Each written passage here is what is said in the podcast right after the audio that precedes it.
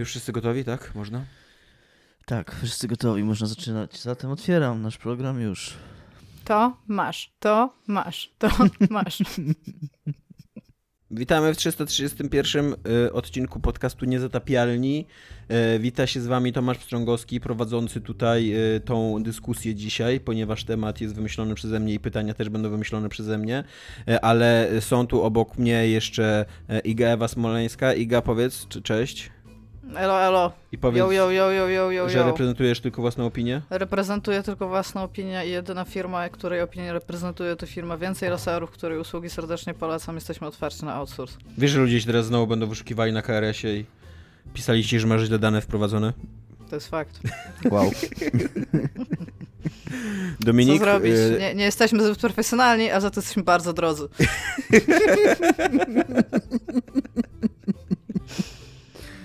Jest w jakimś, w jakimś opowiadaniu z tych antologii cyberpunkowych, tam jedna była pisana przez facetów, druga przez kobiety.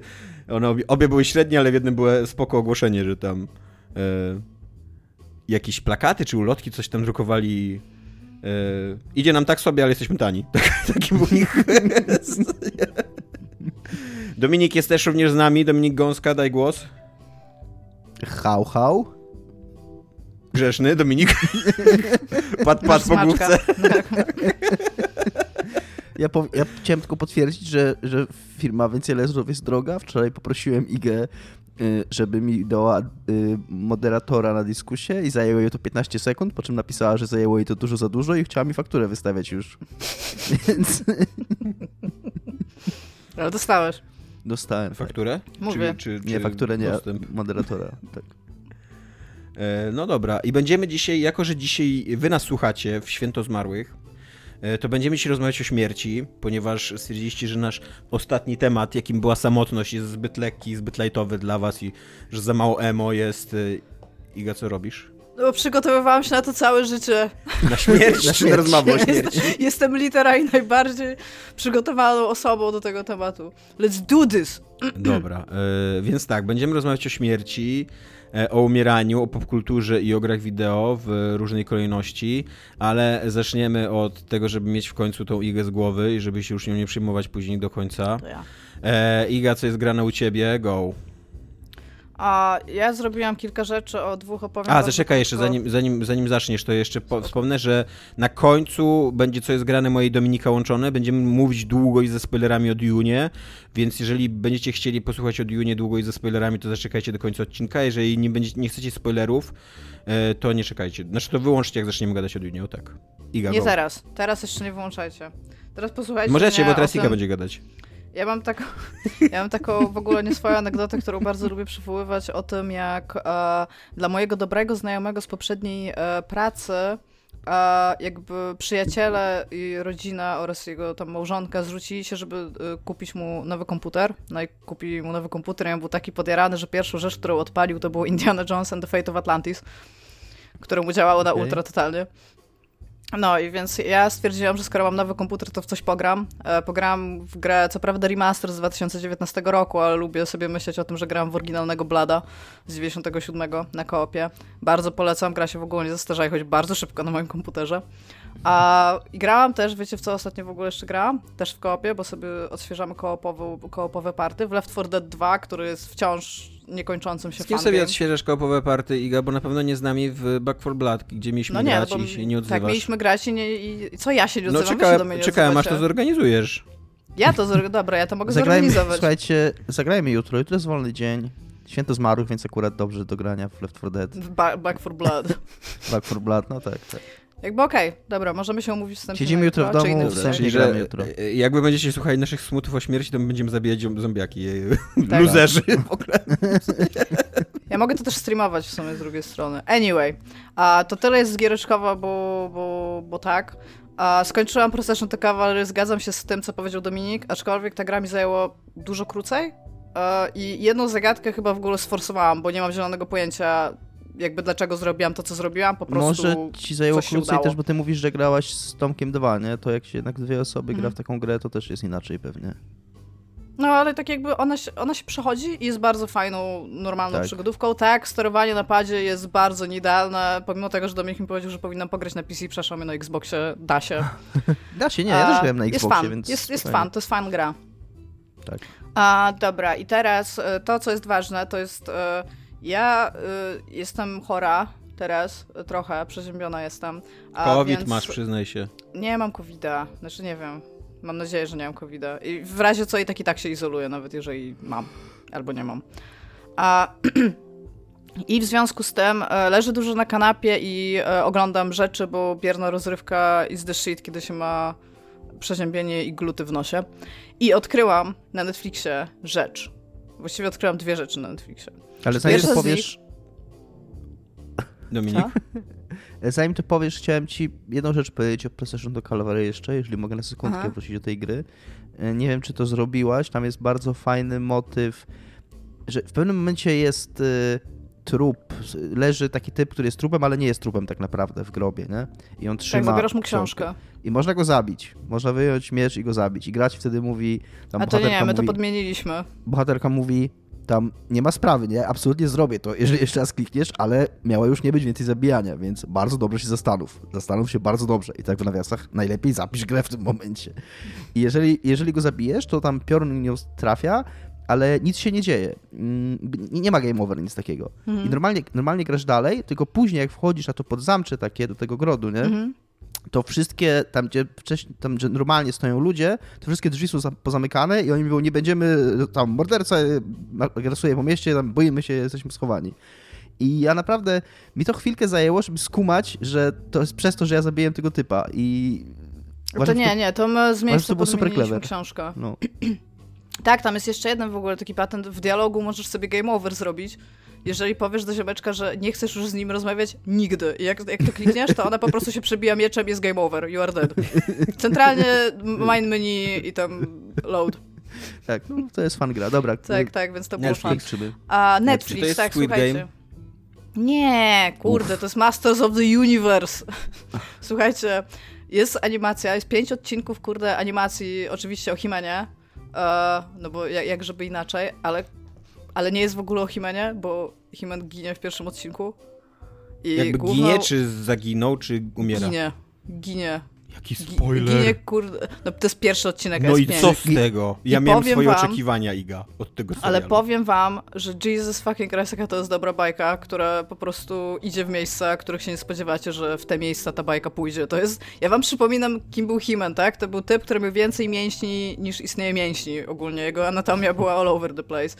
I główną bohaterką staje się jego e, przyjaciółka i córka, nie wiem czy pamiętacie, bo to jest bardzo głupie, jak się te wszystkie postacie nazywają, Man at Arms, takiego ziomeczka, który tam bronił grodu e, królewskiego w Eterni. A i jakby pięć odcinków śledzi jej drogę e, i godzenie się ze stratą jakby w taki sposób. Oraz e, stawianie e, jakby czoła przeszłości. I to nie jest totalnie bajka dla dzieci.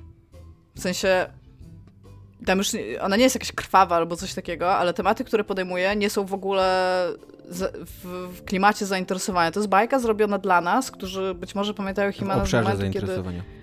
W obszarze, tak. A jak powiedziałam? W klimacie zainteresowania. No to bardzo źle powiedziałam, przepraszam za to. A, Ty nie nas przepraszaj, razie- ty tam w komentarzach przepraszaj ludzi. No, zaraz będzie rata w komentarzach. Ktoś już mnie poprawił na pewno. O, this day and age. E, w każdym razie e, tam się dzieją rzeczy, tam się dzieją rzeczy e, zarówno w polityce e, Eterni, jak i w jakimś takim a, mitycznym balansie, w którym zachowują się te krainy. Bohaterowie idą w ogóle w zaświaty. To, to, to jest naprawdę to jest naprawdę gruba piła ta bajka, że tak powiem. Ona ma tylko pięć odcinków. Gruba są- piła? Piła. Co? Gruba piła, tak się mówi. Czy tak się mówi? Mam nadzieję, że tak się mówi, teraz już tak się mówi. A, I bardzo wam polecam, nie wiem czy widzowie, znaczy czy słuchacze, nie wiem o co mi dzisiaj chodzi. No tak się mówi gruba piła, no. Słyszałam to nie od siebie, więc tak musi się mówić. Już? Bardzo, bardzo wam polecam, Tomaszu, nie wiem, Dominiku, czy wy się wychowywaliście z Himanem i ogólnie z Nie. tą... Był obecny w moim życiu Himen, ale nie był dla mnie jakoś istotny. Ja się A wychowywałem teraz- wśród wilków. I dlatego, dlatego szczekasz, jak ktoś ci mówi, daj głos, tak? Trochę tak, no. Współżył z wilkami, bym mogła powiedzieć. Mi się wydaje, że ja po tych pięciu sezonach Shiry mam trochę dosyć uniwersum Himena, co nie? Więc... Jeszcze raz, to jest tylko pięć odcinków, oczywiście nie będę nikogo do tego przymuszać, aczkolwiek zdziwiłam się wielokrotnie, oglądając to. Że to pięć odcinków, tak? Jakby Nie, bardzo no, intensywnie o tym sensie- myślałeś, że to pięć odcinków. Jakby, ja bym chciała tutaj przypomnieć, że w uniwersum, Hi- że, pięć w, że w uniwersum Humana jest typ, którego y, jakby supermocą jest fakt, że jest super silny oraz ma dużą metalową prawą rękę i typ się nazywa Fisto.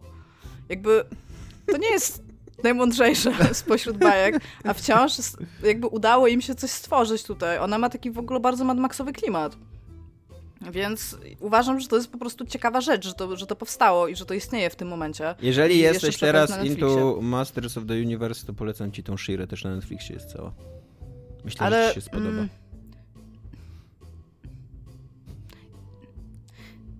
nie wiem.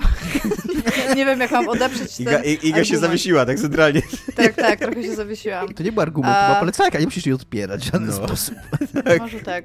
Możesz po prostu nie obejrzeć, jakby możesz ja się czekam centralnie dalej. na drugą część, na drugą część e, tych pięciu odcinków, bo to się z jakiegoś powodu nie dzieje na sezony, tylko na party. Tak, To jest bo coś, co w Netflix ogóle teraz tak robi. Netflix, Ta, i- najpierw, Netflix najpierw odkrył, że ludzie uwielbiają, jak się wrzuca całe sezony. Później jednak odkrył, że HBO i Disney mają trochę racji w takim jakby podgrzewaniu atmosfery cały czas, że co tydzień coś wychodzi i wiesz, media cały czas o tym piszą, cały czas jest taki szum. Więc teraz Netflix jest tak w pośrodku, że wypuszcza sezony tak w dwóch, trzech częściach. Zazwyczaj w dwóch, no nie widziałem jeszcze w trzech. Ale tak. ale to jest bardzo dziwne w ogóle, to Tak. było dla mnie niezwykle Nie konfundujące. tego, no. No ale w każdym razie obejrzałam tą pierwszą część jakby tego sezonu. Czekam na drugą. E, oprócz tego, i to jest, to jest coś, e, co e, po prostu o tym powiem. E, Japonia ma e, taki taki zwyczaj, że to, czy w jeżeli... końcu, czy, czekaj, czekaj, czy, czy w to końcu, będzie animu. czy w końcu doszliśmy do tego momentu w naszym podcaście, że zaczynamy gadać o hentai otwarcie? Jestem I jakby wish, to przygotowywałem się hentai. całe życie do tego. To nie jest, to nie jest hentai. Fakt, teraz A- tak wyrzuca kurwa notatki. Przez okno, my research. Ja, ja jestem w stanie zrobić dwie godziny o grach porno w tym hentajach. Jeżeli, by, jeżeli chcemy tam pójść, I will go there. Mam research też zrobiony, mam opisaną historię, jesteśmy w stanie to zrobić. Ja jestem w stanie Masz mój numer telefonu, po prostu do mnie zadzwoń. 3 góra 5 minut. Okej. Dobrze, Nie muszę się dobrze drzemnąć. pójdzie. 10 jak dobrze pójdzie. Jakieś słabo właśnie, widzisz. No właśnie, jak dobrze pójdzie, ale to będzie bardzo słaby materiał. Dobra. A w każdym razie e, Japonia ma mm, taki zwyczaj, że kiedy jakby dzieje się w tym kraju coś nowego, to żeby a ludzi do tego jakby przyzwyczaić, żeby zachęcić do tego młodzież, to bardzo często wychodzi jakiś taki jeden sezon anime na ten temat. I ostatnio był temat e, olimpiady, e, w której doszło kilka sportów, jak pamiętacie, między innymi doszedł skateboarding i doszła wspinaczka sportowa. A w związku z tym powstało całe anime o wspinaczce sportowej a, które to zaczęłam oglądać z jakiegoś powodu. I myślałam, że to będzie takie bardzo anime, takie jak Tsubasa, takie over the top, że tam mają jakieś specjalne techniki wchodzenia po tych skałach albo coś takiego. I się okazuje, że totalnie nie. To jest, to jest, to jest taka instrukcja na temat tego, co powinieneś wiedzieć o wspinaczce, jakie są sposoby wspinania się, jakie są ruchy, co jest trudne, co nie jest trudne. I jest o czterech dziewczynach, które są w takim klubie wspinaczek, z takiej sekcji jakby wspinaczkowej, taką po szkole, wiecie, jak mają kluby. No i oczywiście poznają się też nawzajem, a i w związku z tym tam odkrywają swoje tam jakieś e, mm, no bolączki, jakieś trudne przeszłości, tam cokolwiek i to jest tak bardzo nacechowana erotycznie bajka z jakiegoś powodu. Nie ma żadnego powodu, dla którego to się dzieje, bo oprócz takich bardzo suchych faktów na temat wspinaczki boulderingu tak naprawdę oraz wspinaczki tam na czas, są postaci, które cały czas mają podtekst seksualny we wszystkim, co mówią, ale po prostu non-stop. I to jest coś, co ja teraz badam, w sensie nie seksualność, tylko, to, tylko tą bajkę.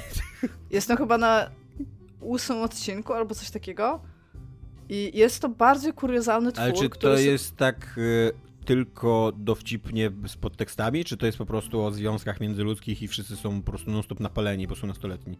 Wiesz co, ja, ja trochę ci... Bo to jest tak, ja nie znam super dobrze japońskiego, aczkolwiek oglądam ją po japońsku z, z napisami. A tam jest taka postać, która Oczywiście jest bardzo wysoką panią, z, to jest ten taki archetyp wysokiej pani z dużymi piersiami. W ogóle bardzo dużo dużych cycków tam jest. Ja nie wiem, czy kiedykolwiek ktokolwiek widział profesjonalne wspinaczki z tych ludzi, którzy rysowali te panie. A, I ona z jakiegoś powodu ma królicze uszy i po, przez połowę scen jest pająkiem, bo ona się nazywa Kurambingu Spider, czyli Climbing Spider. Bo oczywiście, że mają tam też jakieś takie swoje persony, którymi, którymi są nazywane. I ona centralnie, co się To pojawia... jest, nie, to faktycznie jest, tak jak mówiłaś, realistyczne przedstawienie wspinaczki Tak, no. tego, co... Tak, Na razie wszystko A- się skleja. tak. I ona po prostu, co, co ona się pojawia, to ona, jest, to ona jest taka niby creepy, ale bez kitu. Każde zdanie, które pada z jej ust, ma taki mocny podtekst seksualny, ale taki dosłownie, nawet nie to, że ja sobie coś tam ten, że tak powiem, dopisuję, tylko ona na przykład mówi, chodź do przebieralni, zobaczymy, co masz na dole. No dobra, ale czy, czy dzieli z kimś łoże, czy, czy spółkuje? Nie ma czegoś takiego, to się zawsze dzieje jakby Czyli, ze sceną, to, jest, nie? tylko komediowe smaczki, tak? To nie jest romans Ale właśnie, czy to jest takiego, komediowe? Nie, to, nie, nie, nie, nie, nie ma tam w ogóle żadnego wątku romansowego. Cały, cały wątek polega, jakby główna protagonistka wspina się pierwszy raz i oczywiście robi po prostu życiówkę połowę moich znajomych, bo tam ona się wspina pierwszy raz, więc zrobiła tam jakąś super skomplikowaną drogę, ale bez problemu, bo ona jest kurde jakimś prodigy i wszyscy mówią, że jest nienormalna w związku z tym, jak dobrze idzie. I ona jakby uczy się wspinać, uczy się być w tym klubie, odkrywa trochę jakby swoje umiejętności w związku z tym, ale też dowiaduje się o tym, jakie, jakiego rodzaju buty są wspinaczkowe, jakiego rodzaju konkurencje są wspinaczkowe. Czy ta dziewczyna, co, trzeba- co jest pająkiem przez połowę scen, to musi cztery pary butów mieć? Znaczy ona je... Nie, nie musi. Tomek, ona, jest real ona, jest, ona jest pająkiem w momentach, w których e, kamera po prostu jest na niej i ona jest takim wielką tarantulą jakby. W ogóle nie jest nawet takim pająkiem, Aha, który się super dobrze wspina. Bardziej realistyczne podejście, tak? Tak, Rozumiem. bardzo realistyczne, super realistyczne podejście, hiperrealizm po prostu To dobrze, to dobrze. Jest to kuriozalna rzecz mam zamiar to obejrzeć do końca tylko i wyłącznie dlatego, że muszę się dowiedzieć, tytuł jakie tam powiesz? padają w ogóle wybory. Ty, a wiesz, że nie pamiętam? No wiem, bo jeszcze nie powiedziałaś od początku. Ja już jestem mega tutaj wkręcony, co nie? Wpisałem już do A, Google'a, nazywa e, się- Rule 34, tylko czekam jeszcze co dopisać. Iwa Kakeru. Iwa Kakeru Sport Climbing Girls. I jak się e, kończy, to jest takie crime, crime, crime, który najprawdopodobniej ma być climb, climb, climb, ale śpiewają centralnie crime, crime, crime, bo to Japończycy. Jest to dla nas tak, czasem zabawne, jak Japończycy wymawiają. Tak, i oni mówią Buraku Panther. Jest super ogólnie. Ba- Bardzo, bardzo polecam jako po prostu takie kuriozum, żeby sobie obejrzeć. Jest Aczkolwiek, czy jest to najlepsze anime, jakie akcentów istnieje? Staying Classy since 2010. Trochę tak. Trochę tak. Na Netflixie jeszcze jest Baki, ale o Bakim nie będę mówić, bo nie czuję się w ogóle w jakikolwiek sposób wyspecjalizowany do tego, by mówić o tym bardzo dziwnym anime. Dobra, nie wiem, Tomek, czy widziałeś? Być może nie, nie powinieneś. widziałem. Nie, nie widziałem. E, to jest grane u ciebie. Ja mogę powiedzieć, jakie, tylko będę musiał to znaleźć na tym, na Discordzie, ale zaraz wam powiem, bo teraz podobno została mi polecona animka z Best Girl. A, a tak, a animki mają Best Girl, to trzeba przyznać. E, I to się nazywa. Czekaj, czekaj, czekaj. Co mają? czekaj, Nie muszę- zrozumiałem. Best Girl. Best Girl? No. Takie. jest Best Girl. No taki stereotyp też animkowy, takiej dziewczynki, która... Dziewczynki, niekoniecznie dziewczynki, ale takiej dziewczyny, która jest super cute, switaśna, opiekuńcza i zapatrzona w ogóle w swojego sensei zazwyczaj jak w obrazek i jest taka właśnie best girl. Senpai notice me. W sensie Tak. Best Girl, tak? Tak. Girl jako dziewczyna. A, okej. Tak. Tam ge- Okej, okej. to źle, nie, nie usłyszałem po prostu. E, Rascal does not dream of bunny girls and pie. Więc to będę oglądał teraz. Nie wiem jeszcze co to jest, ale może... Ja chyba robię sobie rok przerwy od anime po tym, bo... I've seen, sh- I've seen things you people wouldn't believe, po prostu. Ja gram w Code Vein i jestem cały czas into it. Dominik, Podoba mi się ta gra. nie ma, nie ma twojego, co jest grane. Nikogo to nie interesuje, Dominik. Duna. Idź, Ja nie mam, ja nie idź do kuchni powiedzenia. i zamknij drzwi. No i bardzo dobrze, bo Wow. nikt tego nie wysłucha. Dobrze, że guys. nie masz dużo do, do powiedzenia, bo nawet tego nie nagramy. Jakby. Dobrze. Ale za to Dobrze. możesz, po- możesz zacząć od... Y, jak Nie, teraz już nie. Nie? Dobra, Iga. Nie, E, jak sam mam sobie słucham? wyrywajcie. Ej, tak, tak w ogóle nie, nie powalczysz nawet trochę? tak, tak łatwo mnie skreślasz? Wow. To ty mnie skreśliłeś. Ja nie jestem, wiesz, nie dam się szantażować Ty emocjonalnie. zacząłeś. To, to nie moja wina, to twoja. Dobra, e, śmierć, umieranie, e, cierpienie, samotność, e, różne inne takie tematy dzisiaj poruszamy. I zaczynamy oczywiście od najprostszego i naj, naj, najłatwiejszego, takiego na rozgrzewkę pytanie. Jaka popkulturowa śmierć wstrząsnęła wami najbardziej? Dlaczego właśnie ją zapamiętaliście? I nie może to być Aeris ani Aerit, obojętne jakie jest wasze Ogólnie tam... ja bym wyrzuciła Final Fantasy z worka, o którym Tak, w ogóle fajnie by było, gdybyście ruszyli wyobraźnią. Ja zrobiłam tak duży research, ja może od razu na wstępie powiem, że istnieje gigantyczne, gigantyczna zgoda internetu do tego, że istnieje jakieś tylko 15 y, tak, śmierci, o których tak. warto pisać. To jest po prostu masakra. Jeżeli sobie Wiecie przejrzycie w tym momencie tak. na Google najbardziej smutne śmierci w grach wideo, to to, to jest 15 tych samych śmierci. Ja to są też, wszędzie ja gry a, a, i, te, i te śmierci są strasznie tak. takie Ja też dużo googlałem, też dużo googlałem i po prostu byłem przerażony faktem, w jak wielu zestawieniach pojawia się Tony Stark, kurna, z Avengersów. Naprawdę, ludzie, którzy tak. płacą, patrzą po Tony Starku z Avengersów, to kurna i też e, z całym szacunkiem nie, dla... jest to dla mnie. E, dla fanów Gears of War, ale dom, dom. śmierć doma, to, to, to, nie, to nie jest dobra śmierć, jakby to... To, to nie jest dobra śmierć. Może no dlatego no nie, jakby, smutna. To jest słaba scena, no. Słaby wątek. Dobra, e, to kto z was zaczyna? Dominik. Pokazać Mogę zacząć. na szczyt Ja do góry ekranu. pokazałam, a one są u góry, więc... Nie, u moja kamerka, w takim razie ja zaczynam. Mogę e, zacząć ja, ale dla mnie to no. właśnie Tomek powiedział, że to jest takie łatwe pytanie na rozgrzewkę. Ja miałem e, duży problem i właśnie próbowałem się posiłkować różnymi listami, ale nic mi tam nie pomogło na tych listach, bo z żadną z tych, z tych śmierci, która się pojawia na tych listach się jakoś nie identyfikowałem, ani nie zrobiła ona na mnie wrażenia. Gdyby nawet mógł, gdybym nawet mógł powiedzieć Aeris z Final Fantasy VII, to bym nie powiedział, bo dobrze jej tak i niech kuna zdycha i, i niech leży kuna pięć stóp pod ziemią i nikt nie będzie nie reprezentuje pamiętał. tylko własne stanowisko. nie, nie reprezentuje stanowiska podcastu Niezatapialni, chciałbym tylko zaznaczyć. więc, y, więc to też jakoś nie, nie przeszkodziło mi. Więc musiałem się dosyć mocno wysilić i mam dosyć dziwną odpowiedź na to A, pytanie. może od razu powiemy, że jako, że gadamy o śmierciach, to są zazwyczaj zaskakujące sceny, to będą spoilery? Będą spoilery, tak.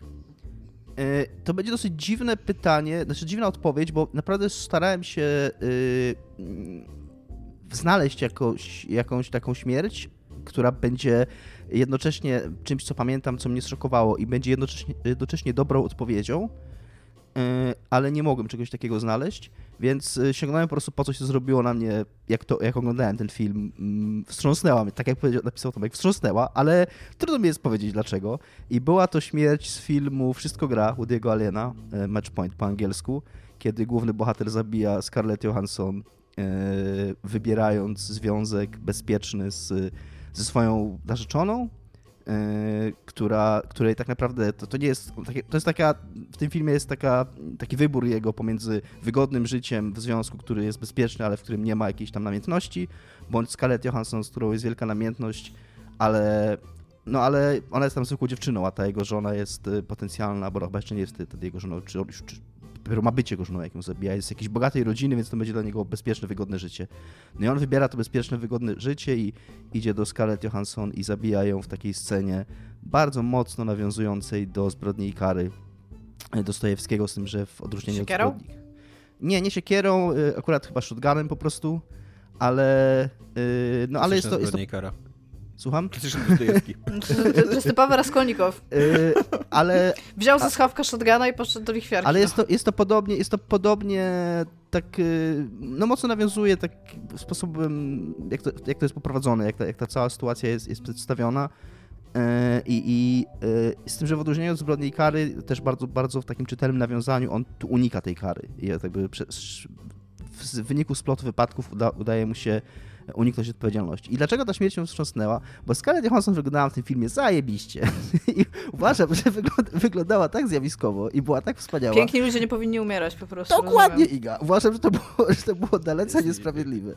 Bardzo, bardzo głębokim i zniuansowaną istotą ludzką Dominiku. dlatego, dlatego, no, dlatego stąd mój disclaimer na początku.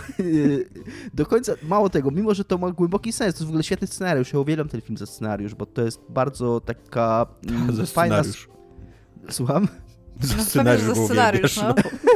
Nie, tak, y, też. y, y, I to, to jakby ma sens i to jest dobrze poprowadzone w tym filmie. Natomiast jak ja oglądałem pierwszy raz w kinie, to autentycznie tak jeszcze naiwnie wierzyłem, że się okaże, że ona jednak żyje i że on jej jednak nie zabił. Z jakiegoś powodu to jest... Przecież y, była chyba taka ładna. No, Płotka ładna, no. Nie zasługiwała, nie zasługiwała na to, no.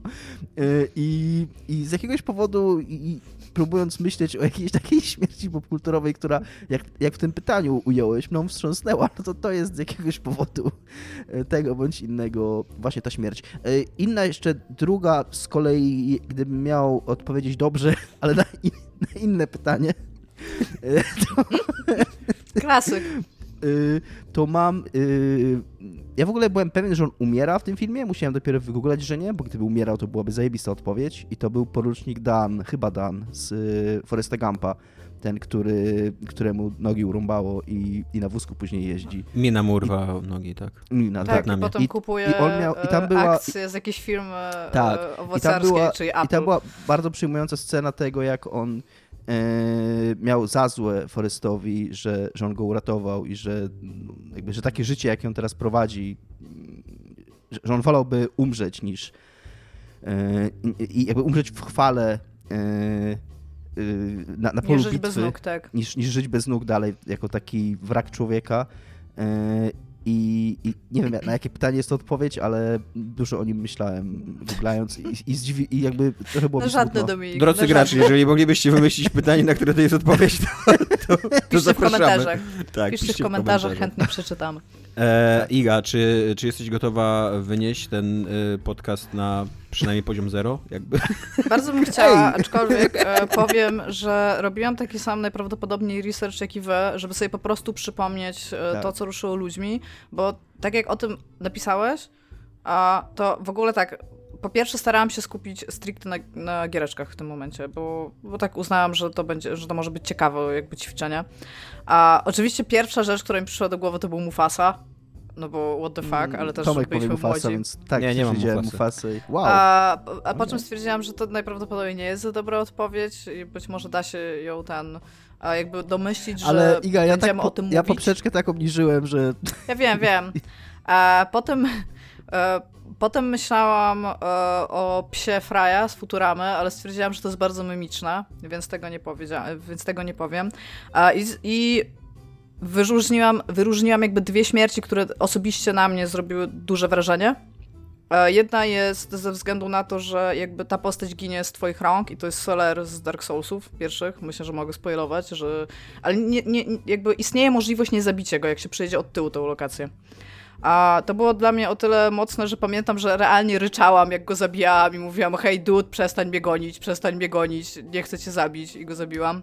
I było mi szalenie smutno, to było strasznie szalenie smutne przeżycie w moim życiu. A drugie to, pamiętacie Spec Ops The Line, nie? Tam No, jest scena wieszania Lugo. To jest, te, te, to jest ten moment, przed którym masz ten wybór e, mechaniczny, czy, gdzie będziesz strzelał. A, I to jest. E, To czy, to, czy ta śmierć jest jakaś tam wybitna, albo coś takiego, albo tam, ten, no to to już jakby zostawiam na boku, ale chodzi o sam, samą tą scenę, co się tam dzieje, tak? Kiedy ty widzisz, że oni go wieszają, kiedy biegniesz do niego, kiedy starają się go jeszcze e, ocucić, w sumie y, sta- starają się zastosować e, sztuczne oddychanie, jakby, żeby go w jakikolwiek sposób jeszcze przywołać do życia. No i potem jest e, ta agresywna reakcja w stronę tłumu, który, który go zabił, tak? I jakby całość tej sceny uważam za szokującą, może w taki sposób. To mną wstrząsnęło, aczkolwiek czy jest to jakaś taka rzecz, e, że zapamiętałam jako jakąś wybitną scenę śmierci? Nie, nie, nie, niekoniecznie, ale uważam, że to jest bardzo dobrze, bardzo dobrze zrobione w tym miejscu gry, bardzo dobre bity narracyjne, fajnie wyreżyserowane, plus dobry, dobry pomysł, że tak powiem, e, mechaniczny, który za tym idzie, jeżeli chodzi o strzelanie. Więc tak, to są moje odpowiedzi. Moja odpowiedź jest jedna tylko i jest na pytanie, które zadałem. Więc, E, z The Wire jest to, więc dlatego nie wziąłem Omar, Mufasy. wiedziałem, że to, wiedziałem, że to będzie Mufasa albo Omar, no jak Tak, tak, wiedziałeś totalnie.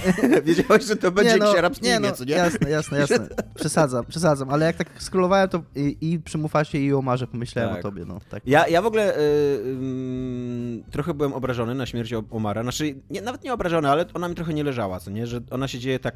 Y, Omar to jest w ogóle główny bohater tak naprawdę, albo przynajmniej jeden z najważniejszych bohaterów The Wire. E, najbardziej charyzmatyczny, taki uwielbiany przez wszystkich, kochany i tak dalej. I przez cały serial, za każdym razem jak on jest w niebezpieczeństwie, to albo oszukuje ludzi, którzy na niego polują, albo mu się cudem udaje uciec. Jest jakby tuż przed jego śmiercią jest w ogóle taki, em, taki właśnie cud przedstawiony, jak on wyskakuje tam chyba z czwartego czy z piątego piętra, bo już jest tak w pułapce jakby, że, że, że nie, nie, nic innego nie może wymyślić, więc wyskakuje przez balkon licząc na cud i cud się zdarza. On prawie łamie, łamie nogę, ale no ucieka i przeżywa, nie? No i, i, i ta jego śmierć jest taka, że on tam kupuje coś w sklepie, chyba jakieś papierosy czy alkohol i wchodzi taki, y, taki kilkulatek, taki 10-12-latek, których jest taki wannabe gangster, taki, takim pomagaczem jest tych wszystkich em, dealerów narkotykowych, ale już jest jakby, jako że cała dzielnica poluje na Omara, no to o- on też jakby został, e, już może polować na, na Omara i, i trafia na Omara i go po prostu zabija. Tak, tak po prostu, tak, to jest taka scena w ogóle szokująca, tak zupełnie, zupełnie się tego nie spodziewasz, co nie? Trochę Bez jak, żadnej e, dramaturgii, bez niczego. E, I tak, i na początku byłem taki, jak, jak ją obejrzałem, że e, kurde, nie tak powinieneś traktować, co nie, serialu swojego najfajniejszego, najbardziej charyzmatycznego bohatera.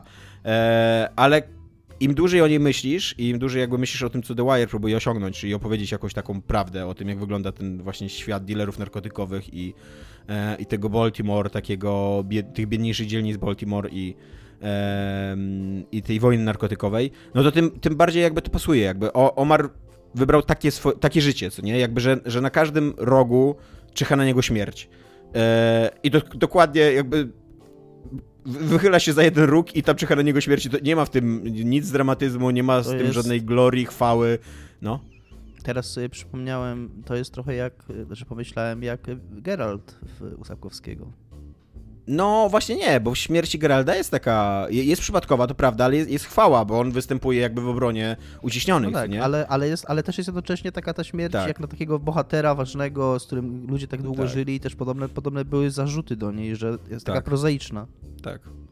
Ja mogę tutaj jeszcze taki honorable mention, który jest totalnie związaną śmiercią popkulturowa, natomiast to był jakby prawdziwy, prawdziwy człowiek.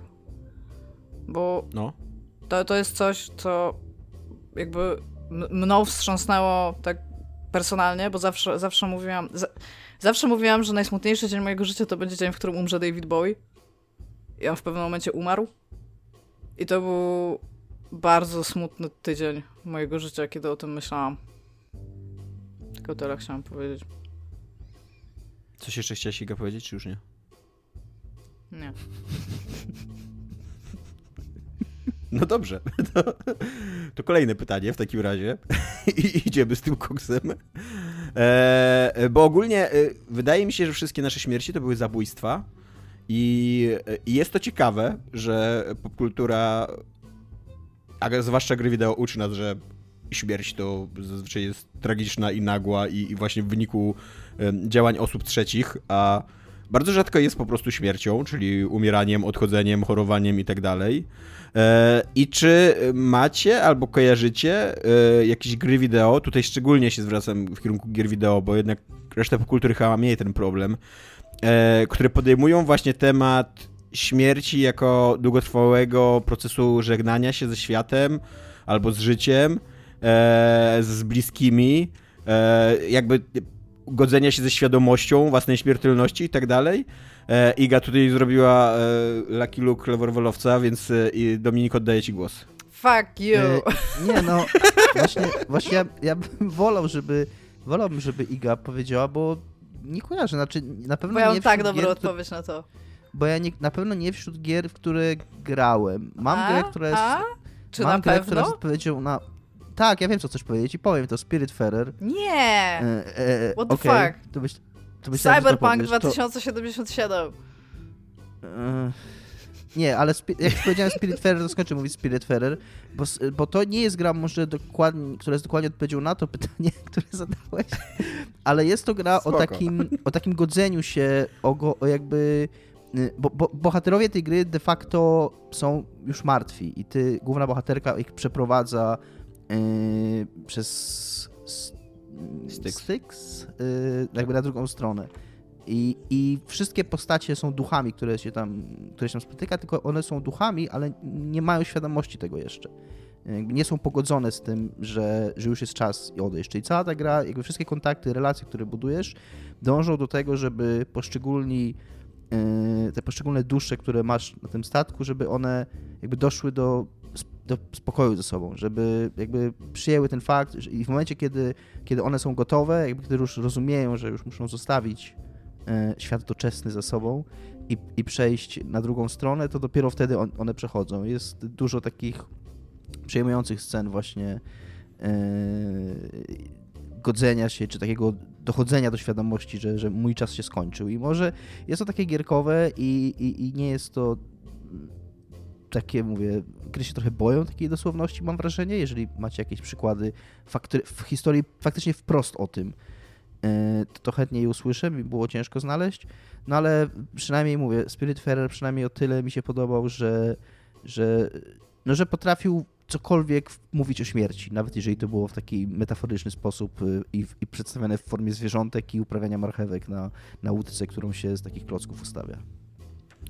Iga, y, Cyberpunk 2077. No jest cały tak? wątek Cyberpunk 2077, który jakby bierze to na warsztat, nie bierze tego na warsztat jakby w dobry sposób.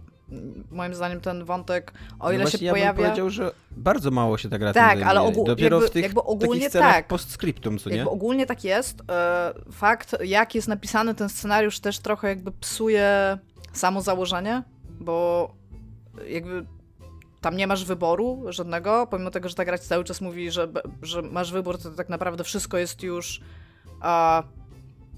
no, zdecydowany za ciebie. Tak naprawdę jedyny słusz, znaczy jedyny wybór, który masz, to jakby w tym momencie zero, gdzie jesteś w stanie je podjąć, że tam kończysz grę. To jest twój jedyny wybór, że odchodzisz na własnych zasadach. Cała reszta jest zupełnie ten. Aczkolwiek jest tam takich trochę rozmów z Misty, nie? Na temat śmiertelności, więc mhm. to się pojawia, oni, mówię, oni mają ten temat, w sensie jest to temat gry jakby, tak? Jest to temat gry na temat ziomeczka, fajne... który musi pogodzić się z faktem, że zrobił coś i teraz umrze. Masz trochę czasu. ogóle o tyle, o tyle fajne i niefajne jednocześnie, że dla mnie ta Misty, która jest tam postacią taką, przynajmniej dla mnie była trzecioplanową, była bardzo mało ważną postacią dla mnie i tam y, biegam sobie po tym, po tym Night City, morduję sobie ludziki, wyko wykonuję y, kolejne zlecenia, gadam sobie z Johnem Silverhandem i nagle wracam do Misty i a, no tak, przecież ja umieram. No, znaczy ja, właśnie, i, właśnie Misty o to mi to jest jedyna ta baba, która się tu przyjmuje w tym mieście, tylko ona. Nie, i właśnie w, jeszcze w momentach fabularnych, w których y, masz wszystkie te glicze, tak, tego relik. No tak, tak. tak Więc to się fabularnie takie... dzieje i mówię, ta gra tego nie wspiera gameplayowo. Oni, oni sobie o tym przypominają w takich ważnych bitach narracyjnych. Aczkolwiek jest to jak najbardziej temat jakby gry, tak? I to co więcej, co, i co być może jest smutne, jest to główny temat gry, którym się no tak jak mówisz, za bardzo ta gra nie zajmuje, tak? A, no, no i który też rozwiązuje tak, tak sobie, moim zdaniem, jeżeli patrzysz na wszystkie inne zakończenia, które możesz tam wziąć. A, no ale jakby jak najbardziej e, o tym mówi. Jest jeszcze taka gra, tylko że to jest o godzeniu się ze śmiercią i moim zdaniem jakby ja tutaj nie chcę bronić tej gry, bo to też jest temat, ale to jest taki trochę szantaż, wszystko co się w niej dzieje i też w jakieś takie dziwne rejony ona idzie i to jest Dragon Cancer. O godzeniu się o tym mówić, tak? a, ze śmiercią, ze, znaczy Dziecka. ze śmiertelnością właściwie swojego dziecka, tak? I to jeszcze takiego bardzo małego, a zrobiona przez rodziców, no ale jakby mówiliśmy o tej grze już w bardzo dużym szczególe e, w, na, na, na łamach tego podcastu. A, I tak naprawdę oprócz tych dwóch które stricte mają w siebie wpisany ten temat umierania, to nie znalazłam żadnej takiej gry, która by o tym mówiła właśnie nie w jakiś taki symboliczny, metaforyczny sposób, albo takim trochę w cudzysłowie haha. I mówię, Cyberpunk nie jest najlepszym przykładem tego, ale no mają to wpisane jakby w swoje DNA. Moim tak? zdaniem już w kategorii gier AA, które mówią o jakiś sposób o śmiertelności, już Red Dead Redemption 2. No może tak, ale też Red Dead Redemption i Red Dead Redemption 2 się pojawia tak często w tych zestawieniach, że tak, ja po prostu tak. pominęłam te gry, bo stwierdziłam jakby... E, a, a ja bym tutaj trochę bronił Dead Dragon Cancer, bo... Y ona jest oczywiście miejscami tak bierzecie pod włos, co nie? I, I, jest taka, takim szantażem emocjonalnym. I jest, ja mam przynajmniej problem z tym, jak religijna ona jest tak. i jak tak symbolicznie wali ci, wiesz, pałką po głowie, że, że oto Bóg, kurde, tutaj przychodzi, co nie, i, i, i jakby pomaga tym rodzicom. E, ale e, wydaje mi się, że każda gra taka zbudowana na jakichś własnych doświadczeniach, w ogóle każde dzieło zbudowane na własnych doświadczeniach e, śmiertelnej choroby i, i, i, i śmierci dziecka, no musi, jakby nie uciekniesz tutaj bez, przed pewnymi szantażami emocjonalnymi i przed jakby przekładaniem swojej wizji świata. Ja rozumiem, że ci rodzice są katolikami, nasze mhm. chrześcijanami, bo pewnie nie są katolikami, bo to Amerykanie są. I E, I rozumiem jakby, że, że tak postrzegali tą śmierć i jakby ja, ja się z tym nie zgadzam, uważam, że to jest złe spojrzenie po prostu, co nie? E, ale jakby broniłbym tej gry. W ogóle za to, że ona się po pierwsze mierzy z tym, z tym tematem, po drugie, że robi to też jakoś tam gameplayowo, stara się tak. to robić e, na poziomie, na poziomie właśnie mechanika, nie tylko, wiesz, story. I, i, no i że tak jak mówisz, to jest jedna z niewielu gier, które w ogóle podejmują. No ale też właśnie podejm- oprócz tych wycieczek religijnych, ona stara się w ogóle w jakiś sposób tak realistycznie coś pokazać, bo tak metaforycznie tak. to wiesz, to sobie myślałam na przykład Hellblade. Hellblade jest grą o umieraniu, jak najbardziej. Jest grą o pójściu w zaświaty i starają się wydrzeć duszy śmierci, nie? I tam whatnot. Ale no to nie jest gra o umieraniu, nie? To jest gra o składaniu symboli tak. i o słuchaniu głosów tak naprawdę. Ale to ja mam tutaj e, jeszcze też taki indie przykład, o którym mówiłem niedawno w odcinkach, ale teraz może się trochę roz ten.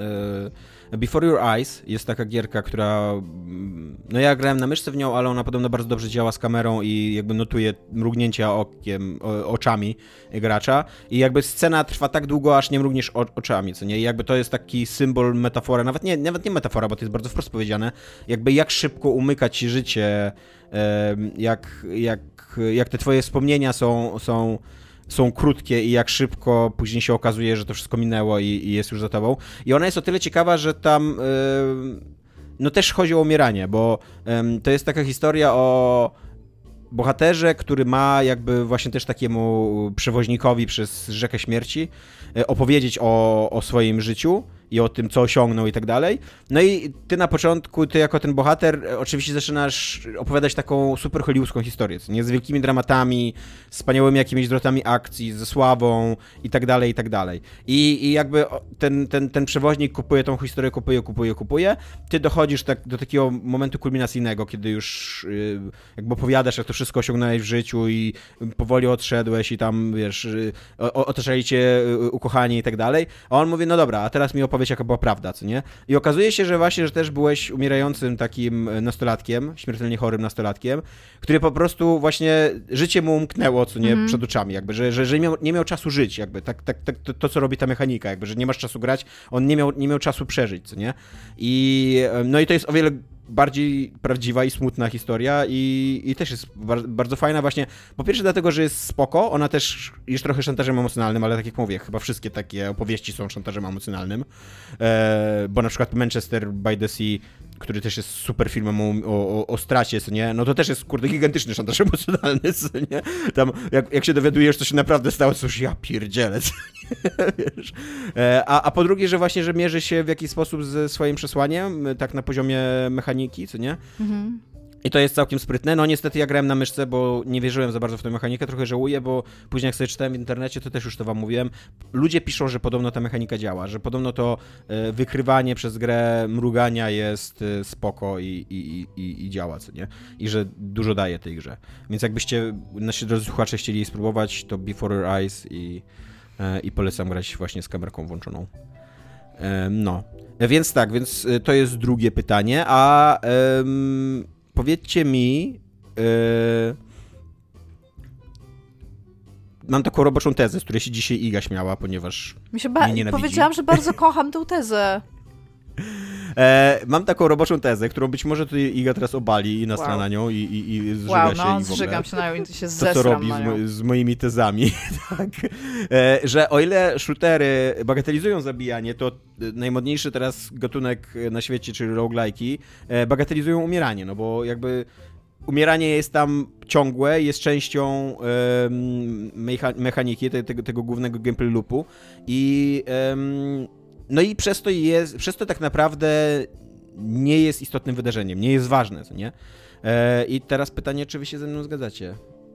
Dominik pierwszy może, zanim Iga zacznie srać? E, poniekąd się z tobą zgadzam. To znaczy, y, dawno temu, ja pewnie wspominałem już o tym, ale Jaci, ten z Zero Punctuation, z Escapista, napisał tekst o, mm, o mechanizmie saveowania i loadowania w grach. I, i właśnie Mhm. on tam stawiał taką, taką tezę, z którą, mówię, do której, z którą się bardzo identyfikuję, że kiedy on myśli o powiedzmy graniu w swoim Half-Life'a 2, czy o jakiejkolwiek innej grze, w której umiera, wczytuje, próbuje dalej, to on te śmierci tak naprawdę on nie myśli o nich jako o czymś, co się wydarzyło. One się nie dzieją w świecie gry. Tak. Ten, ten bohater to, to jest tak jakby taka, nie wiem, takie linie czasowe, ale kiedy myślisz o historii tego bohatera, to jemu się po prostu wszystko udało, że te miejsca, których ty wczytywałeś, to były takie rozgałęzienia, kiedy on mógł umrzeć, ale ale nie umarł tak naprawdę, że to, że to co się działo Tak. po wczy- zanim czytałeś, to jakby jest skreślane. Y, I on to chyba pisał, teraz sobie przypomniałem, chyba to było w kontekście Bioshocka i, i tego właśnie jak y, to wskrzeszanie się w Bioshocku, jak to psuje to doświadczenie, bo w tym momencie jak, jak masz to wpisane w samą grę, że bohater umiera i jakby to jest wpisane w tą historię, że on umarł, to nagle myślisz sobie, że twoje, mm, twój wysiłek jest nieistotny, bo co z tego, że jakby co z tego, że się staram czy nie staram, kiedy i tak nawet jak się nie postaram, to po prostu się wskrzeszę, ponieważ gra y, ma mechanizm wskrzeszania. I właśnie on wtedy bronił, jakby był przeciwny temu, temu mechanizmowi wskrzeszania się, a opowiadał się po stronie Quicksave'a Kickloada właśnie z taką podobną myślę, myślą, że to trochę tak trywializuje tą grową śmierć, że nagle mm, ta, śmierć nie ma znaczenia w grze. I ona jakby fundamentalnie nie ma znaczenia tak samo, bo ty tak samo po prostu wczytujesz i powtarzasz, ale sam ten No właśnie. akt Sa- Sam, samo to, że ty, bo ty wczytujesz, to jest też coś, co Sawyer mówił w wywiadzie, w wywiadzie z Igą, że jest różnica między tym, co się dzieje w samej grze, a co się dzieje poza grą. I wczytywanie jest już poza grą. To już jest, y, to już jest tak, na taki, jakimś wyższym poziomie i ty sobie tego nie internalizujesz jako część historii. Ty nie myślisz o historii y, tego, nie Morgana Freemana, tylko y, Gordona. Gordona Freemana. Gordona Freemana z, z Half-Life'a. Syna Morgana Freemana. tak. E, Nie myślisz o nim, że on tam 50 razy umarł, mm, ratując świat. Nie, on nie umarł ani razu. On jest świetnym tam e, naukowcem, slash snajperem, slash bohaterem kina akcji i po prostu mu się wszystko udało. A, a ten typ w Bioshocku to tam, ja nie wiem, co mu się stało, ale on tam został tak prze, przetyrany przez to wszystko i tam umarł 50 razy albo 100 razy, a i tak e, mu się na koniec udało. I więc myślę, że tak, że, że podobnie jest w roguelike'ach, że, że Właśnie- z jednej, to, to, jest, to jest paradoksalne, tylko skończę i zaraz ci oddam głos. E, To jest paradoksalne, bo z jednej strony roguelike'i mówią ci, że właśnie ta śmierć jest ważniejsza, bo ona jest permanentna, bo stracisz wszystko. Ale z drugiej strony właśnie trochę nie jest przez to, że Zwłaszcza, że najpopularniejsze roguelike'i, czyli Roguelike'y? Dead Cells i, i Hades. No, roguelike'y. No, chodzi mi o cały gatunek gry, w której umierasz i zaczynasz od nowa jakby, co nie? W, jak, w jakiś, ob- obojętne, czy to jest rzeczywiście od nowa, czy trochę od nowa, czy... Jakby one zazwyczaj starają się dowcipnie komentować to twoje umieranie, co nie? No, e, ten Zagreus zawsze jak wychodzi z, e, z tej rzeki, właśnie ze Styksu, to ma jakiś taki złośliwy komentarz. W Dead Cells masz taką animację, że ta, ta, ta taka, nie wiem, taka maść, taka kupa, która jest esencją tego twojego wojownika, że psz, z jakieś tam rury się wy, wy, wyczołguje i wchodzi w nowe ciało. I to jest właśnie te, takie totalnie bagatelizujące, co nie? Że tak jak, tak jak Dominik mówi, że niby to jest mechanika, która jest w samym sercu tej gry, a z drugiej strony jakby, jako że tyle razy tego doświadczasz, to ta gra ci mówi nie przejmuj się tym, nie? I tak samo na przykład y, mm, a Deathloop jest... a jednocześnie nie masz takiego wrażenia, że to jest kara, tak też paradoksalnie, bo to niby to jest duża Tak. kara, bo tracisz jakiś ekwipunek, ale jednocześnie to jest tak bardzo wpisane, że wiesz, jak w Half-Life'ie Tak. na przykład nie możesz e, tam 10 razy czy 15 razy przejść czegoś i wczyta, wczy, robisz to wczytaj, wczytaj, wczytaj, to jednak masz wrażenie, że, że to jest trochę twoja wina, że, że okej, muszę się postarać, a jak umierasz w roguelike'u, to masz takie to nie jest do końca moja wina, ta gra jest po prostu tak zrobiona, że mam umierać. No. No i y, tak, dokładnie coś chciałem powiedzieć innego, ale już wyleciało mi z głowy. Przepraszam. Zamknę się teraz. Iga, y, co powiesz na moją tezę? A, no, że ja się zgadzam z twoją tezą. Podoba mi się też, jak jest A, wiem, co chciałem ale- powiedzieć, przepraszam. Że tak samo jest w Deathloop i... Przepraszam, Iga, ale przypomniałem sobie tą myśl, a później znowu ja zapomnę. Tak samo jest w Deathloop i w Deathloop jeszcze, jako że ma bardzo wiele skomplikowanych i takich e, niespecjalnie dobrze zaprojektowanych em, tych e, tutoriali, to one ci, te tutoriale wprost ci mówią w pewnym momencie, nie przejmuj się, że, że, że zginiesz. Nie przejmuj się, że czegoś nie zdążyłeś zrobić na tej planszy. Będziesz tu jeszcze wiele razy, jakby e, i tak dalej, i tak dalej. To jest właśnie taki, taki totalnie, że e, tam Nieważne, co nie? I, I to też jest fabularnie później, już nie w tutorialach, ale fabularnie jest wiele razy tak podkreślane, że tam zabijaliście się już setki, tysiące razy, co nie? I że to nie ma żadnego znaczenia teraz, czy przeżyjesz, czy umrzesz. I przez to, jak masz na końcu te y, jakby mm, skończyć tą, te, mm, tego lupa i, i właśnie jakby skazać tych ludzi na taką prawdziwą śmiertelność, nie? E, I to jest trochę konflikt taki w tej grze, jakby taka, taka niby trudna decyzja, którą na końcu musisz podjąć. Czy, czy zostawić tego lupa, czy go przerwać? Czy, czy właśnie, czy skazać tych ludzi na takie prawdziwe życie, czy, czy cały czas żyć w tej iluzji, no ale jednak tylko ty i ta e, Juliana, która, która, która mm, z tobą niby walczy, ale ona się chce zaprzyjaźnić na koniec i jakby, mm, że tylko wy będziecie świadomi tego lupa, co nie? E, I przez to, że tyle razy ja tam zabijałem wszystkich w tej grze, to ja w ogóle nie czułem jakiegoś takiego, że no i co, i teraz ich skaże na śmiertelność, jakby oni umierali już, kurde, tysiąc razy tutaj, co, nie? Co, co to dla nich umrzeć jeszcze raz? Iga. Ja bym tylko chciała podać taki jeden skrajny przypadek e, w roguelike'ach, tach, w którym moim zdaniem ta śmierć e, ma jakby wagę i to jest taki moment, kiedy na przykład wiesz, że możesz to przejść, że wszystko ci się ładnie poskładało, masz dobrego tak. builda i wtedy, kurde, zaczynasz czuć tą wagę, nie? To prawda. I jest... to y, się zdarza nie super, znaczy to się nie zdarza super rzadko, ale też się nie zdarza jakby za każdym razem, kiedy grasz, ale jest zwykle taki moment w jakimś ranie, że, że bardzo ci zależy i bardzo już nie chcesz umrzeć, nie? Że na przykład, nie wiem, nigdy tak daleko nie byłem, mając tyle resursów, ile mam w tym momencie, albo takie itemy. I can do this. Nie chcę teraz umrzeć. I wtedy masz totalnie wagę tego swojego życia. Jest też taki odcinek y, Star Treka Discovery, który jest całkiem spoko serialem. Y, y, jest odcinek z time loopem oczywiście. Jest bardzo spoko, naprawdę. Chyba mój ulubiony w ogóle z wszystkich. I tam jest coś takiego, co mi się bardzo spodobało, co nie chcę powiedzieć, że to jest jakieś innowacyjne czy, czy nowatorskie, ale, ale mi się wydało świeże takie, że tam w pewnym momencie bohaterka stwierdza, że, że ona tyle śmierci widziała, jakby to jest coś, co rzadko kojarzę z takich historii, że jakby ona internalizuje to, co się dzieje. Mimo, że nam się mówi, że, te, że to jest nieważne, co się dzieje, że te powtórzenia, one i tak są skreślają, to ona w pewnym momencie mówi, że ona ma dosyć, że ona już tyle tej śmierci widziała w tych kolejnych time loopach, że ona już zrobi wszystko, żeby to zakończyć, bo po prostu już nie chce patrzeć więcej, jak ludzie umierają. Yy, I to było ciekawe dla mnie.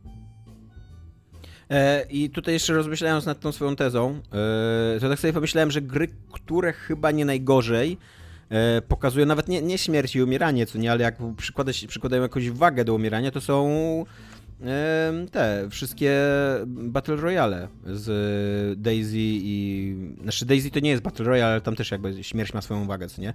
No ale na przykład mm, Players Unknown Battle A nie wychodzi w ogóle też o gry z Iron Manem i Permadefem? Że... Ja tutaj... Na przykład, temacie... Dominik, jak tam XCOM? Pamiętasz swoich ludzików? nie, nie XCOM, ale ja... Możemy teraz sobie pozwolić na... No nie wiem, bo Tomek teraz wspomniał o czymś, co ja sobie tutaj zapisałem, zanotowałem jak odpowiedź na jakieś inne pytanie, ale możemy No to możemy skoczyć do pozwolić sobie pytania. na to, żeby, ta, je, Czy to jest moje pytanie, czy to twoje pytanie? Żeby ta dyskusja tak organicznie płynęła. E, to było pytanie o to, mm, czy gry mm, y, bagateli... dlaczego popkultura bagatelizuje zabijanie i umieranie? No. Mm, I właśnie myślałem o, o filmie Battle Royale, tak naprawdę, który mi się super podobał. O tym oryginalnym filmie bazującym na książce japońskim Battle Royale, który też jest filmem po prostu o zabijaniu, o którym można pomyśleć, że, e, że to zabijanie, zabijanie jest trywializowane. Natomiast moim zdaniem ten film się broni o tyle, że tam jest bardzo konkretnie, z konkretnego powodu tam się zabijają nastolatki.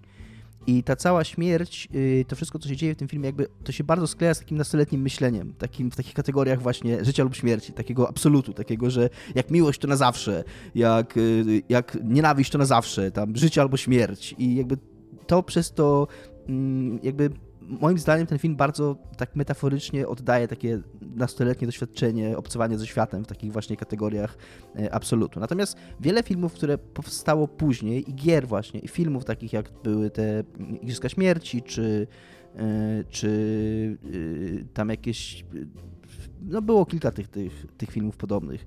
Jakieś tam Divergent, nie Divergent, czy inne Maze jakiś. Maze, tak, te wszystkie Young Adult. I teraz właśnie to okropny Squid Game, który jest okropny, mimo że go nie oglądałem, nigdy nie obejrzę, ale, ale to jest znowu takie, takie y, przedstawienie śmierci na zasadzie po prostu przegranej. I to jest, moj, to jest moja robocza teza, którą sobie Ale wiesz co, wydaje mi się, że Squid Game może nie być za dobrym przykładem, jakby poprzez swoją nienawiść chyba nie do końca e, e, wiesz, że ten film jakby specjalnie to robi, bo to jest metafora kapitalizmu.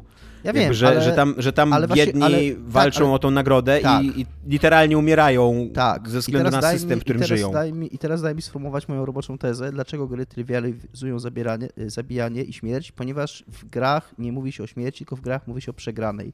I gry równoważą śmierć z przegraną. E, No tak, i- i ten film i jakby nikt- dokładnie o tym I jest. nikt, To nikt nie myśli o sobie. Dobrze, Serial, no, przepraszam. nie oglądałem go tam, whatever. I Tak go nie obejrzysz. tak. Ja, ja tutaj Y, jakby wpisując się... Natomiast daj mi. Nie chciałem tylko skończyć moją myśl yy, lotną. O serialu, którego nie oglądałem. Nie, nie o serialu. Zostawmy ten serial już. Być może faktycznie Dobra, jest złym dobra. przykładem. E, Że gry e, i w ogóle popkultura współczesna, e, tak naprawdę jak ona mówi o śmierci, to ona nie mówi nic o śmierci, tylko ona mówi o przegranej. Mm, Po prostu mamy, je- jest gra i kto umiera, ten przegrywa, co jest absolutnie rozbieżne z, e, z doświadczeniem życiowym, Tak, bo ponieważ kto każdy umiera, z nas, wygrywa. niezależnie od, niezależnie od tego, nie, to po prostu w ogóle nie powinno być postrzegane w tych kategoriach. I wydaje mi się, że gry trywializują śmierć przez to, że równoważą śmierć z porażką. I, I dopóki będziemy tak myśleć, i, i gry i w ogóle popkultura, jakby to, że ten ludzik umiera na ekranie gry, czy, to, czy ten gracz umiera, to on nie umiera, on po prostu przegrywa, a nikt nie myśli o sobie jak o osobie, która przegra. Nikt, W ogóle nikt, e, nie, nie, a, a, jakby nikt nie patrzy na swoje życie i nie widzi w nim porażki. Yy, bardzo wiele... na horyzoncie. Ja widzę. Ja widzę non-stop właśnie, A- what the fuck, śmierć- Dominik. No nie na ale- horyzoncie w ogóle, jakby w następnym kroku. No ale każdy, każdy, każdy jest bohaterem swojej historii, nawet jeżeli E, to ale jest... wiesz co, z tym, z tym co ty mówisz, bardzo fajnie się zgrywa to, co mówią ludzie cierpiący na em, nowotwory i ich rodziny i wszystkie te organizacje zajmujące się tam wspieraniem e, ludzi cierpiących na, na Mhm. em, nowotwory, Nomenklatura bo bardzo często mówi się, że z rakiem. Przy- tak, że przegrał walkę z rakiem, to nie? I, i totalnie jest takie, że no nie, to jakby Tak, to, to jakby- nie jest gra, tak, którą możesz jeszcze- wygrać lub przegrać. to na nie którą jest tak, masz, że się za mało Bardzo często starał, nawet nie nie? masz realnego wpływu na to, co nie, no właśnie. No, no właśnie. Ale I- tak, i że to jest takie postrzegane jako dokładnie tak jak Iga mówi, że za mało się starał, co nie? Że... Mógł wygrać. To jest tak samo jak I takie- personifikowanie gór. Przegraliśmy z górą. Mieliście Tak, złe warunki tak. pogodowe i, I- nie byliście przygotowani. Nie przegraliście z żadną niestety- górą w ogóle, nie? I niestety, o ile w popkulturze jest bardzo dużo przemocy i przemoc y, jest, jest jakby takim podstawowym narzędziem y, rozwiązywania konfliktów, bo jakby wiemy to wszyscy, y, y, że nie ma filmu lub w ogóle fikcji bez konfliktu, że musi być konflikt, że jakby konflikt jest podstawą historii. A to Toro? A jeżeli jest konflikt, a jeżeli jest konflikt, to jedynym sposobem takim popkulturowo mającym znaczenie na rozwiązywanie konfliktów jest przemoc. Po prostu jakby to się rozumie samo przez się. A, a to, że konsekwencją tej przemocy jest śmierć, to jest tylko po prostu pewne takie przedłużenie tej myśli, ale nikt, ale nikt nie patrzy na to, jakby nikt się nie zastanawia nad, tą- nad tą śmiercią. Ja też miałem taką myśl ostatnio. Y, To jest w ogóle fajne, bo jak to przedłużysz właśnie na takie, całą, całą twórczość sensacyjną, która zdominowała popkulturę, to, e, to przegrywasz, czyli umierasz, ale jak zabijasz, to wygrywasz jakby. Tak, tak. I, I trochę o tym też myślałem ostatnio w kontekście tego, co się wydarzyło na planie filmu Rust i, i Aleka Baldwina, który postrzelił śmiertelnie y, autorkę zdjęć i, i ranił reżysera tego filmu, bo broń, która miała być niezaładowana, była nie dość, że naładowana, to jeszcze w dodatku prawdziwą amunicją, kiedy on robił próby do zdjęć. E, I też czytałem kilka opinii, kilka artykułów na ten temat i tam było, zastana- było takie właśnie rozważania, czy może e, powinno się zabronić w ogóle, albo tam zwiększyć, w ogóle zabronić korzystania z prawdziwej broni, bo okazuje się, że są różne rodzaje rekwizytów filmowych używane w różnych scenach i wciąż używa się faktycznie prawdziwej broni, bo mówią reżyserzy, że po prostu nie da się mm, albo byłoby to dużo, dużo droższe, albo nawet niewykonalne na CGI, żeby zrobić faktycznie realistycznie strzelającą broń. Że w strzela- scenach, strzelania się używa prawdziwej broni, tylko która albo strzela ślepakami, albo coś takiego. Nie? E, gdzie same ślepaki też mogą być bardzo niebezpieczne. Tak, jak oglądaliśmy na- In Bruges. Tak, tak. E, I No i jaka była i teza nikt, tego? i nikt, A nikt w tej dyskusji nie, jakby w ogóle byłem zszokowany tym, bo to była też jedna, mi się to jakby instynktownie mm, taka myśl pojawiła. Nigdzie w tych komentarzach, y, polemikach, fejtonach nie zobaczyłem takiej myśli, że może po prostu mamy za dużo przemocy we współczesnej kulturze, tak ogólnie. Jest dużo może, broni, zwłaszcza w mo, może nie chodzi, filmach, Może nie? chodzi o to, jaka ta broń jest, czy ona jest y, y, prawdziwa, nieprawdziwa, jak ten rekwizyt działa, bądź nie działa, tylko dokładnie tak powiedział Tomek, być może jest za dużo broni w, w współczesnej kulturze, być może tutaj jest jakiś problem, może tu jest jakiś fundamentalny problem po prostu z jakąś fetyszyzacją broni i z takim właśnie przekonaniem, że broń musi być w każdym w ogóle konflikcie wykorzystywana i tak, i jak zabijasz, to wygrywasz, nie? Dobra, Iga, e, przypomnę pytanie, dlaczego popkultura z grami na czele bagatelizuje zabijanie Ja i mam umieranie? ogólnie, e, ja się bardzo zgadzam z Dominikiem, ja tutaj nie, ja sobie nawet, Tak, Dominik bardzo ja sobie nawet nie 5 minut napisałam tutaj, wygłosił. że to jest No, kwestia porażki czy wygranej, tylko Jednak- to jest jednak- kwestia zawsze jeszcze. zamknięcie challenge'u jakiegokolwiek, czyli każde, każde rozwiązanie konfliktu przemocą e, jakby dąży do zakończenia go albo w pozytywny, albo w negatywny sposób. Natomiast masz dwie rodzaje śmierci jedna z nich to jest e, w- giereczkach, patrząc szczególnie na shootery, śmierć anonimowa, czyli zwykłe ludki, które są takie same, używają takich samych modeli, po prostu upadają, bo, bo to jest potrzebne, żeby był gameplay, więc musisz kogoś zabijać. Ale masz jeszcze drugą stronę tej śmierci i to jest e, śmierć bohaterów fabularnych, która jest zawsze znacząca. Na zasadzie ona musi mieć duże znaczenie, czyli jeżeli bad guy umiera, to go zabiłeś i to była trudna walka i on jeszcze ma cutscenkę najczęściej, umiera, jeszcze coś się dzieje, tak? Ale z drugiej strony, jeżeli umiera ktoś z good guys, tych NPC-ów, którzy jakby cię wspierają, to ich śmierć jest nacechowana takim oddaniem za ideę albo heroizmem, co jest w ogóle... To się nie dzieje, jakby śmierć nie jest żadna, tak? Znaczy, oczywiście możemy, No właśnie, możemy jej nadawać to, to jest symboliczne... zajebiste w śmierci Omara z The Tak, Wire, że że ona się po prostu dzieje, Że czy nie? możemy jej nadawać oczywiście takie znaczenie, jakie tylko tam chcemy i w danym kontekście są potrzebne, or whatnot, ale prawda jest taka, że bardzo rzadko śmierć jest znacząca. E, To się, oczywiście, no tam w jakichś chwilach takiego wzburzenia jakiegoś tam kulturowo-politycznego są śmierci, które są mocno znaczące, tak? I które też a, jakby są planowane bardzo często i też są też śmierci tragiczne. A, aczkolwiek najczęściej po prostu statystycznie śmierć nie oznacza nic oprócz, y, oprócz samej śmierci. I bardzo często ci ludzie, którzy nawet uczestniczą w jakichś takich ideowo nacechowanych tam jakichś ruchach, też umierają bez sensu, jakby, nie? I jakby w popkulturze, a w grach szczególnie, to się nie dzieje, dlatego że oni są jakimiś pionkami fabularnymi, które kiedy umierają, to to musi być znaczące, że umierają, tak? No, no i właśnie, czy zawsze jakby... Więc tak, napisałam sobie o challenge'u i zapisałam sobie właśnie o kwestii znaczącej, nieanonimowej śmierci, które która też pokazuje ogóle- zawsze, że jakby nawet jeżeli on umarł, to, on- to jednak było potrzebne, bo on umarł za coś, bo stał się teraz symbolem albo cokolwiek takiego. To jest w ogóle śmieszne w grach w stylu Call of Duty, które jakby próbują ci jakoś tam udawać, że bierzesz udział w takim wysiłku wojennym i jakby za każdym razem jak czytasz albo jak słuchasz jakiegoś weterana, to o tym wysiłku wojennym właśnie masz takie wrażenie takiej machiny wojennej, co nie takiej masy, że, No, że, że ty jesteś tak, mięsem armatnym, dokładnie na tym polega. I że, I że taka jednostka, dokładnie, tak jak mówi, że jednostkowa śmierć nie ma za bardzo sensu. Dopiero jak tam te 100 tysięcy poniesie ofiarę, to dopiero jakiś tam przesuniesz front albo coś takiego, co nie? A, a w tych wszystkich Call of Duty mówią ci właśnie twierdzą, że to jest o tym gra, ale tak naprawdę zawsze się wcierasz w tego superbohatera, który jedne, własnoręcznie tak, w ogóle zmienia... single-handedly tak, zmienia losy Europy i ratuje. tak, losy Europy tak, i, zamyka i jak on umiera, w ogóle. tak, i jak, jak, jak on umiera, jak, bo tam, nie wiem, w, w Modern Warfare'ach na przykład zdarzało się, że tam mówił, no to właśnie jest wielka tragedia i wielka scena i tak dalej, co nie? Wszyscy dookoła dostają kulkę i padają, ale, ale główny bohater to tam muzyka wchodzi, zwolnienie i w ogóle... No, ja e, mam taką odpowiedź trochę cyniczną na to pytanie i zgubiłem się na, na gierkach, bo e, ostatnio uczestniczyłem w kilku dyskusjach na temat tego, jak powinny być tworzone gry wideo e, i rozbijałem się o takie bardzo biznesowe podejście, że gry wideo to powinny być tworzone według, kurde, badań targetów i tego, co chcą gracze i że wszystko się powinno rzucać na jakieś badania takie rynkowe e, i jeżeli twój pomysł nie, nie, nie spotkał się w ogóle z poparciem jakby całkowitym twojej bazy, no to musisz go zmienić i wymyślić na nowo.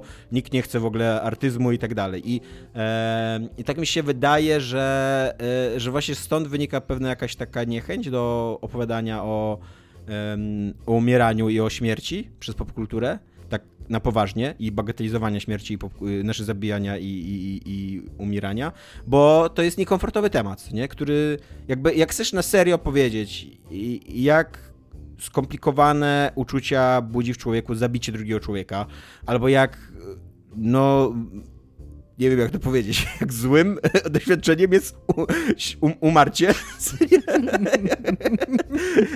no to, to, to, to, muszą być bardzo niekomfortowe sytuacje, takie wypychające opowieści, takie wypychające odbiorcę ze strefy komfortu jego i konfrontujące go w jakiś sposób albo z własną śmiertelnością, albo z okrucieństwem gatunku ludzkiego i tak dalej. A, a jak się robi takie badania targetu, co nie, takie wiesz, takie yy, no to nie, to nikt, nikt nie chce takiej gry niekomfortowej. I, I gry, które są jakby tą najmłodszą działką, yy, najmłodszym medium spośród wszystkich. One są tak najbardziej biznesowo nastawione, tak mi się wydaje. I, i no, nie wiem, czy się znajdzie firma, która na przykład zrobi grę AAA, która podejdzie na poważnie do tego, co nie problem, bo, bo zaryzykujemy, weźmiemy wizję artysty, autora i, i, zrobimy to, co on chciał i, i być może gracze się przekonają, że jednak chcieli takiej gry.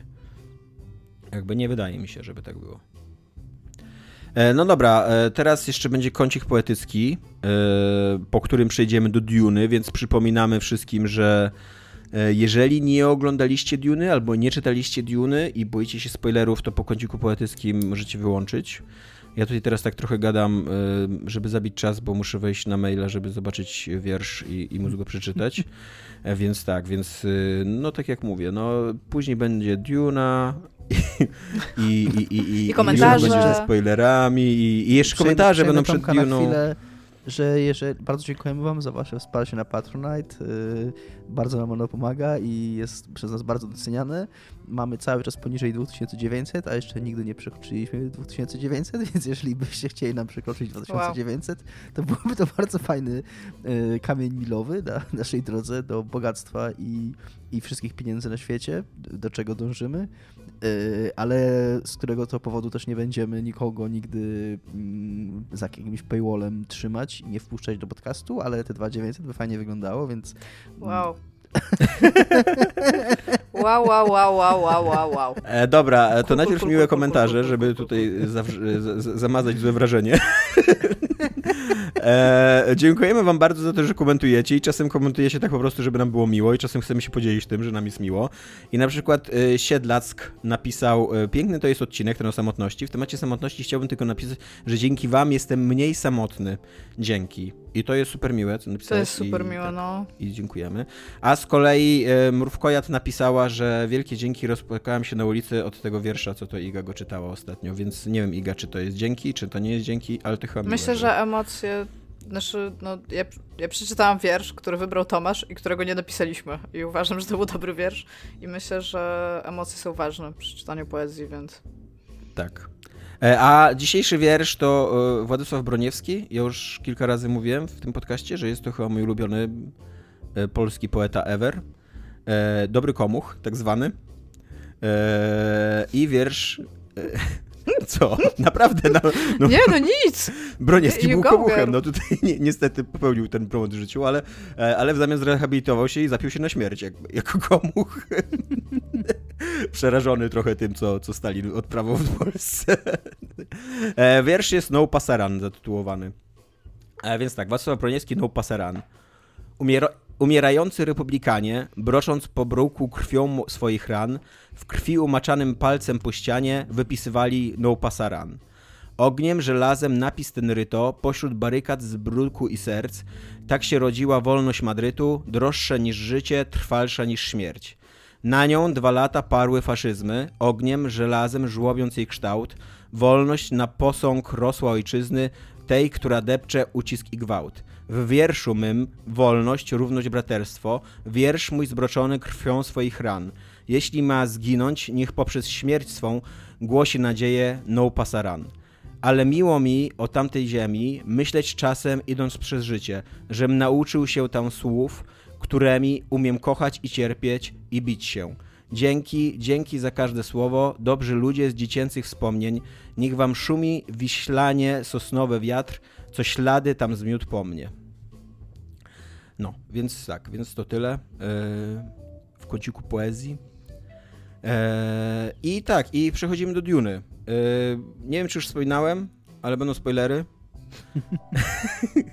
Zasadniczo, jeżeli czytaliście Dune, to ten film jest bardzo wierny Dune, więc jeżeli czytaliście Dune, to absolutnie się nie bójcie tych spoilerów. E, Dominik, jak ci się podobał film Duna? E, Tomek, Iga nie oglądałaś, Duna... tak? Nie, nie oglądałam. Dobra. Ja się izoluję e... w domu, siedzę tu. Film Duna mi się bardzo podobał. E, przed tym filmem dużo było takiego e, pisania, mówienia, e, że, że to jest film który trzeba obejrzeć w kinie i żeby ludzie szli na niego do kina, nie oglądali go w streamingu i się zgadzam z tym. Yy, dużą częścią mojego odbioru tego filmu może być fakt, że była to moja pierwsza wizyta w kinie od półtora roku, więc to było w ogóle dla mnie wielkie wydarzenie, że wychodzę do kina. I a to jest taki film, to jest idealny film dla kogoś, kto nie chodził półtora roku do kina, bo to jest film, który pokazuje nam, tak trochę przypomina, dlaczego warto chodzić do kina. Przede wszystkim dla mnie to było takie kompletne, to co najbardziej jakby mnie uderzyło i najbardziej mi się podobało w tym filmie, to takie wrażenie kompletnego przeniesienia się na te 2,5 godziny do, do kompletnie innej rzeczywistości. Tam wszystko, co ja widziałem na ekranie w tym filmie, to się działo naprawdę w tym momencie. Ja tam byłem, ja czułem ten piasek i, ten, e, i to parzące słońce e, i, i tego czerwia, który tam sunął pod tymi piaskami. Czułeś czerwia, który sunął? tak. E, I e, paradoksalnie też jest to film bardzo długi, bo trwa 2,5 godziny, co łącznie z reklamami oznacza 3-godzinną wizytę w kinie. Film, który przez te 3 godziny opowiada, 2,5 godziny opowiada pół historii, e, który jest dosyć powolny. To nie jest taki film akcji, gdzie cały czas coś się dzieje, gdzie są one-linery, gdzie jesteś super tak wciągnięty, tak co się wydarzy zaraz. I on jest też tak dziwnie dosyć, przepraszam, że ci przerywę, ale on jest tak dziwnie dosyć skonstruowany, że w dwóch i pół godzinach opowiada trochę dwie historie jakby. Ja byłem trochę tak. zdziwiony, że on się nie skończył wcześniej. Yy, tak, yy, ale przy tym wszystkim yy, to ja byłem zdziwiony, jak on się skończył. I nie tylko dlatego, że się urywa i to jest właściwie jedyny powód, jedyny mój zarzut do tego filmu i to nie jest nowy zarzut i wszyscy ten zarzut słyszeli, ale, ale warto go powtórzyć.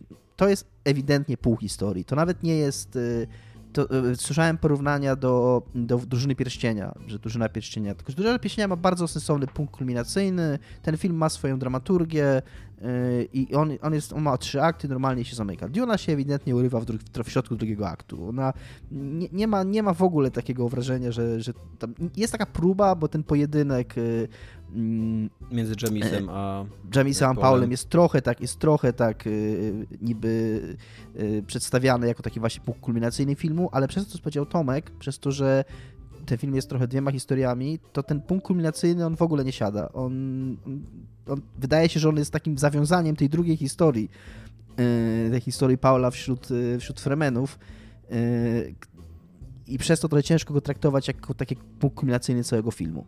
Więc to, to jest takie trochę. Jeden człowiek, człowiek który siedział po, koło mnie e, blisko w kinie, mm, tam dwa miejsca dalej, to jak zobaczył ekran końcowy, to tak po prostu wysunął ręce w zdziwieniu przed siebie, że to już koniec, bo, bo autentycznie jest takie tak, wrażenie, tak, że... mi się wydaje, że dużo lepiej dramaturgicznie by temu filmowi zrobiło, gdyby on się kończył po zagładzie co nie? Takim zawieszeniem, że, że nie wiadomo, co się dzieje z Jessica i Paulem. Może wiemy, tak. że oni żyją, ale nie wiemy, czy przeżyją. Um, a on jeszcze tak. tak. z pół godziny, może 40 minut nawet, jeszcze ciągnie tą całą wędrówkę Jessica i Paula po, po pustyni, jeszcze tam z, to spotkanie jest, um, śmierć Duncana i tak dalej i, i to już jest właśnie tak, jakby drugi raz próbował zbudować dramaturgię i no już nie wychodzi, bo nie ma na to czasu. Więc więc tak, ale, ale przy tym wszystkim y, ja w ogóle nie czułem tego czasu. Ja te 2,5 godziny, jak go siedziałem, tam oglądałem, to mi minęło tak, że, że mówię, że byłem zdziwiony nie tylko dlatego, że dramaturgicznie to był dziwny moment na zakończenie, ale też byłem zdziwiony, że już te 2,5 godziny minęły, że tak byłem pewien, że, że krócej ten film oglądam i, i autentycznie e, połączenie dźwięku, obrazu, tak realizacyjnie, y, montażowo, to ten film się super ogląda.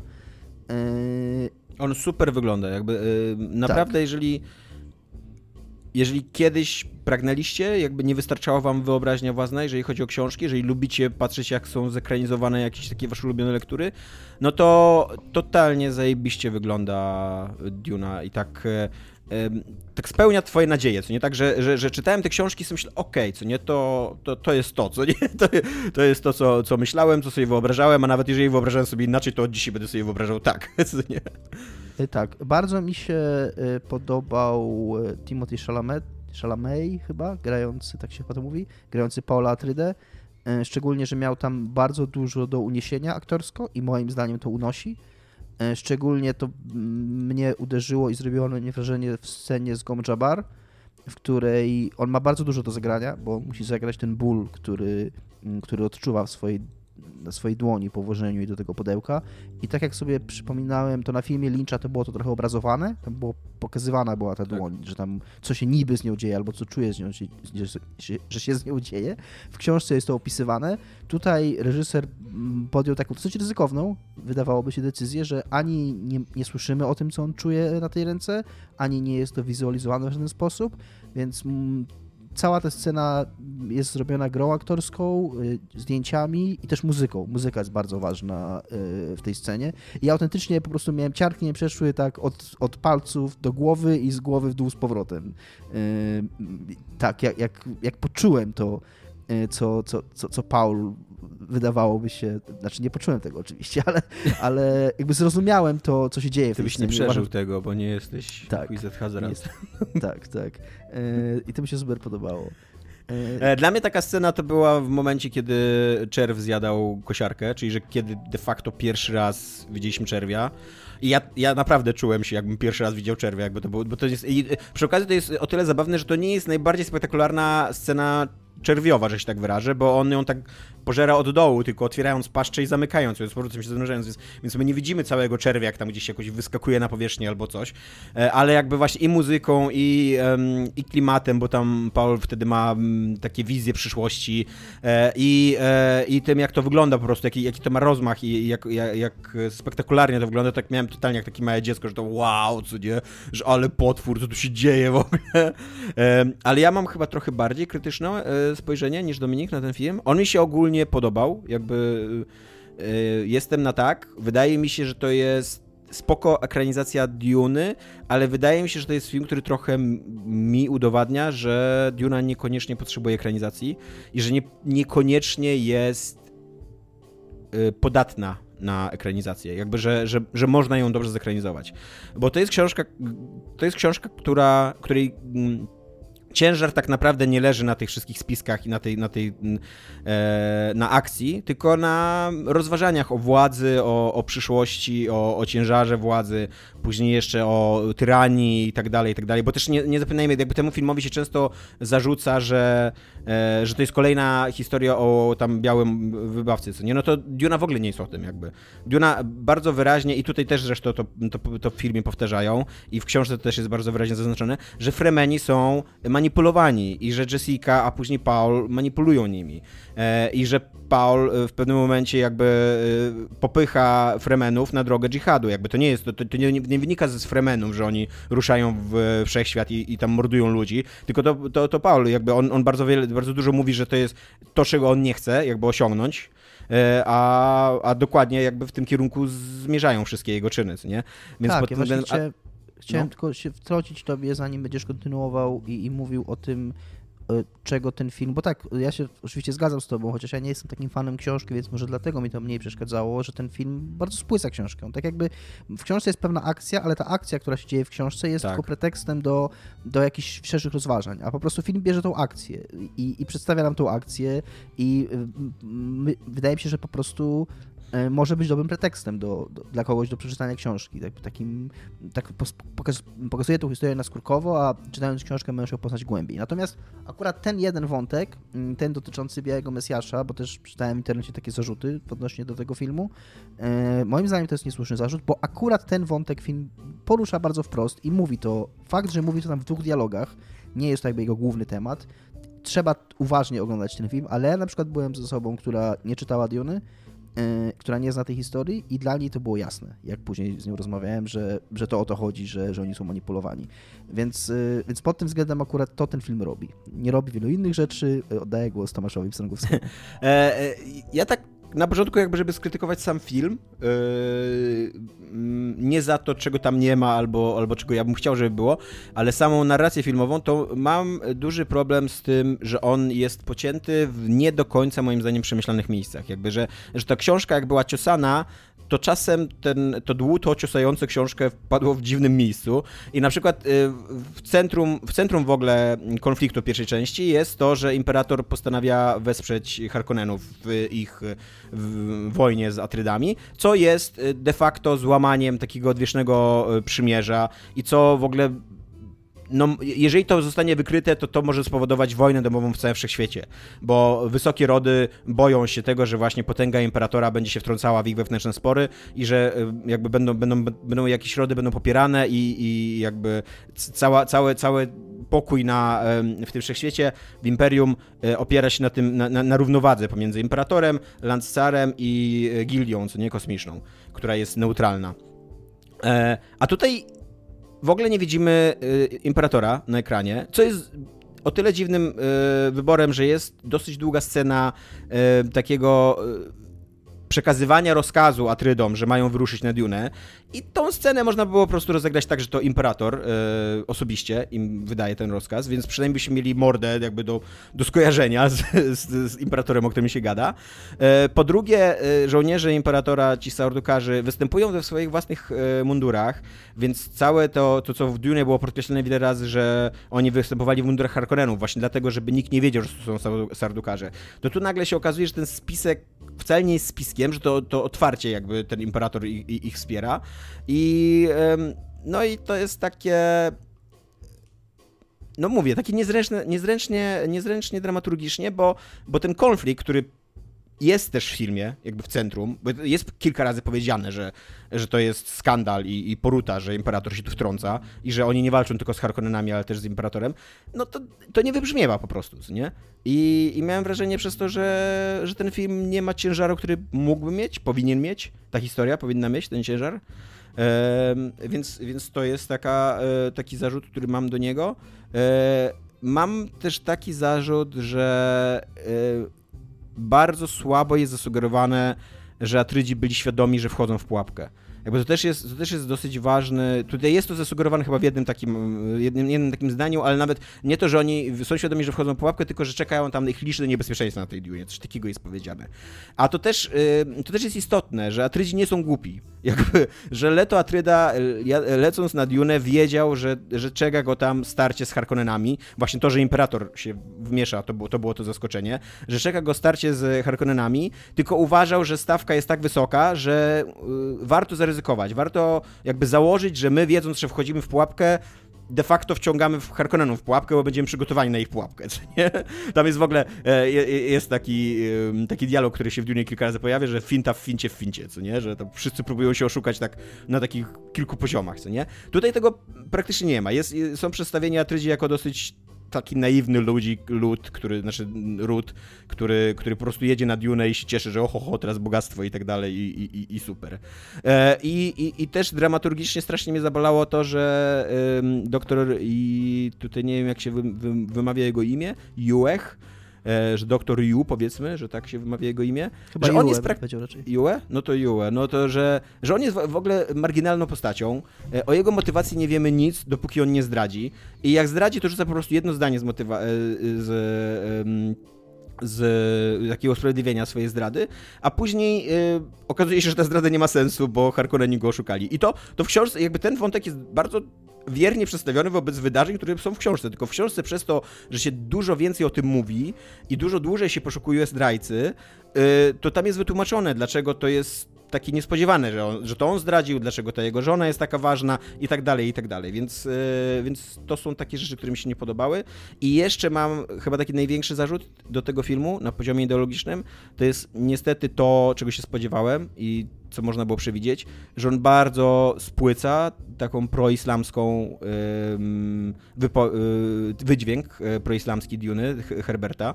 Herbert był zafascynowany islamem i chociaż jakby pokazuje, że, te, że, że, że te takie ludy pustynne, bo on tam miesza mujahedinów i ich wahabitów i Beduinów e, ze sobą i że jakby pokazuje, że to są bardzo konserwatywne, bardzo zacofane często, często religie, ale też jakby zwraca uwagę na ich taką surowość, honorowość, takie e, przywiązanie do poświęcenia, jakby tam wynoszenie jakby tego, tego jednostkowego poświęcenia na najwyższy poziom, bo, bo, bo liczy się tylko dobro społeczności i tak dalej.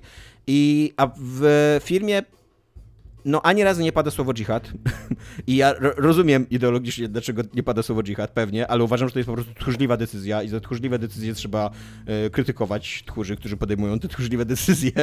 E, I, e, I też, no, cały, cały taki setting, co nie, tych Fremenów jest dużo łagodniejszy, dużo mniej taki, bym powiedział, właśnie islamski, bliskowschodni, muzułmański. Chociaż nie, nie jest tak, że w ogóle go nie ma, co nie? Ale też e, tutaj Dominik być może się dołączy, bo on lubi takie e, językowe e, śmaczki, że, że dżihad jest zastąpiony słowem holy war, które, który wprawdzie jest nie najgorszym tłumaczeniem dżihadu, ale totalnie zmienia trochę wydźwięk dżihadu na bardziej taki chrześcijański, krucjatowy. I to jest w ogóle przedziwna tak. taka decyzja, takie przeniesienie znaczy, akcentu. Ja jestem po tej stronie, rozumiem twój radykalizm i jakby, jak już ci mówiłem prywatnie, bardzo cieszy mnie twoja miłość do tej książki i twoje przywiązanie do szczegółu, istotnego oczywiście. Y, ja raczej niestety, przykro mi, mam nadzieję, że to nie zakończy naszej, naszej przyjaźni, ale raczej jestem po stronie po prostu racjonalizmu, który mówi, że nie przeszłoby życie dżihadu w tym filmie. On by nie powstał taki. No. Jest, żyjemy w świecie, w którym żyjemy, żyjemy w postrzeganiu zachodnim ale islamu, takim jakim żyjemy. Jest to tak, ale, ale Duna jest y, w bardzo dużym, bardzo dużym względzie o manipulowaniu religią dla osiągnięcia jakby takich korzyści władzy, co nie?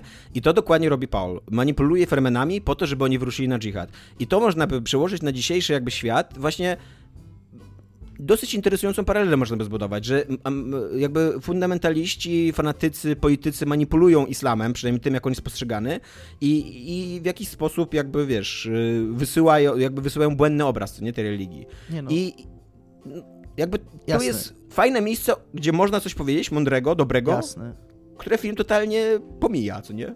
Jasne, zgadzam się z tobą jak najbardziej. Y, teraz nie chcę się wcielać w reżysera, ale teraz jak o tym myślałeś, to jest taka myśl, która mi teraz przyszła do głowy tak naprawdę, że mm, i swoją drogą jest to ciekawe, bo to mi się skojarzyło bardzo z Łowcą Androidów, z y, Blade Runnerem Ridleya Scotta w, y, w odniesieniu do książki, który też bardzo dużo z książki wycinał i tak naprawdę koncentrował się na jednym wątku, na tym wątku polowania na, na androidy. I wydaje mi się, że Denis Villeneuve w Dune robi coś trochę podobnego, to znaczy on bierze z Dune jeden wątek, wątek y, Paula i wątek tego, tej sto, historii dorastania, to coming of age story i on jakby, wydaje mi się to rozsądne z punktu widzenia dzieła filmowego, robi tą historię dużo bardziej o samym pa Paulu Atrydzie, i jakby my troszkę jesteśmy z Paulem w tej historii i trochę widzimy ją jego oczami. Być może też on no tak, nie mając świadomości tych wszystkich spisków, jakby mm, ten film się koncentruje na tym. Jest to jakaś tam decyzja artystyczna, nie? Żeby, żeby to był film mm, o, o, o historii Paula i o tym jego, co on, jakby, jego dorastaniu, tak? Tylko wiesz, jako, że to jest książka, która ma 60 lat, to mamy y, to bezpieczeństwo jakby, że wiemy, w którym kierunku podąży ta, ta historia. Jeżeli nie będą chcieli zgwałcić zupełnie jakby fabuły Duny. I, i to są takie decyzje, które podjęte dzisiaj, y, moim zdaniem mogą wywołać bardzo dziwne, niekomfortowe, nieprzewidywane konsekwencje przy, na przykład przy ekranizowaniu zakończenia książki, i, ale już zwłaszcza przy ekranizowaniu Mesjasza Dune, o którym też już czytałem jakieś newsy, że podobno Mesjasz Dune jest, jest na tapecie, co nie?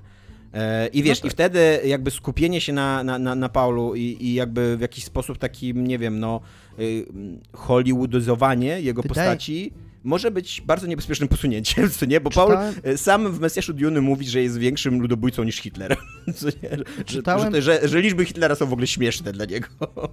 E, wokół pre premiery i wokół tego, jak niewielką rolę Zendaya, która gra Chani, e, ma w tym filmie, czytałem jakąś, nie, trzeba, chyba wypowiedź reżysera, który powiedział, że ona będzie główną bohaterką drugiej części. E, więc być może to w jakiś sposób może, Może. coś nam powiedzieć, powiedzieć o intencjach y, twórców i że być może ten, ten druga część jakoś przesunie te akcenty. Co jeszcze chciałem powiedzieć troszkę, o, o, chciałem to powiedzieć wcześniej, zapomniałem sobie, przypomniałem teraz, więc wrócę jeszcze do tej warstwy wizualnej, co mi się bardzo podobało w tym filmie. My mieliśmy takie obawy, wiem, że Tomek miał, ja trochę też, po pierwszych zwiastunach, że ten film będzie za gładki, tak wizualnie, że on y, za mocno odejdzie od tej dziwności Lyncha. Co można opowiedzieć o, o. Wiele można powiedzieć o filmie Lyncha, ale tą warstwę wizualną mm, Tak.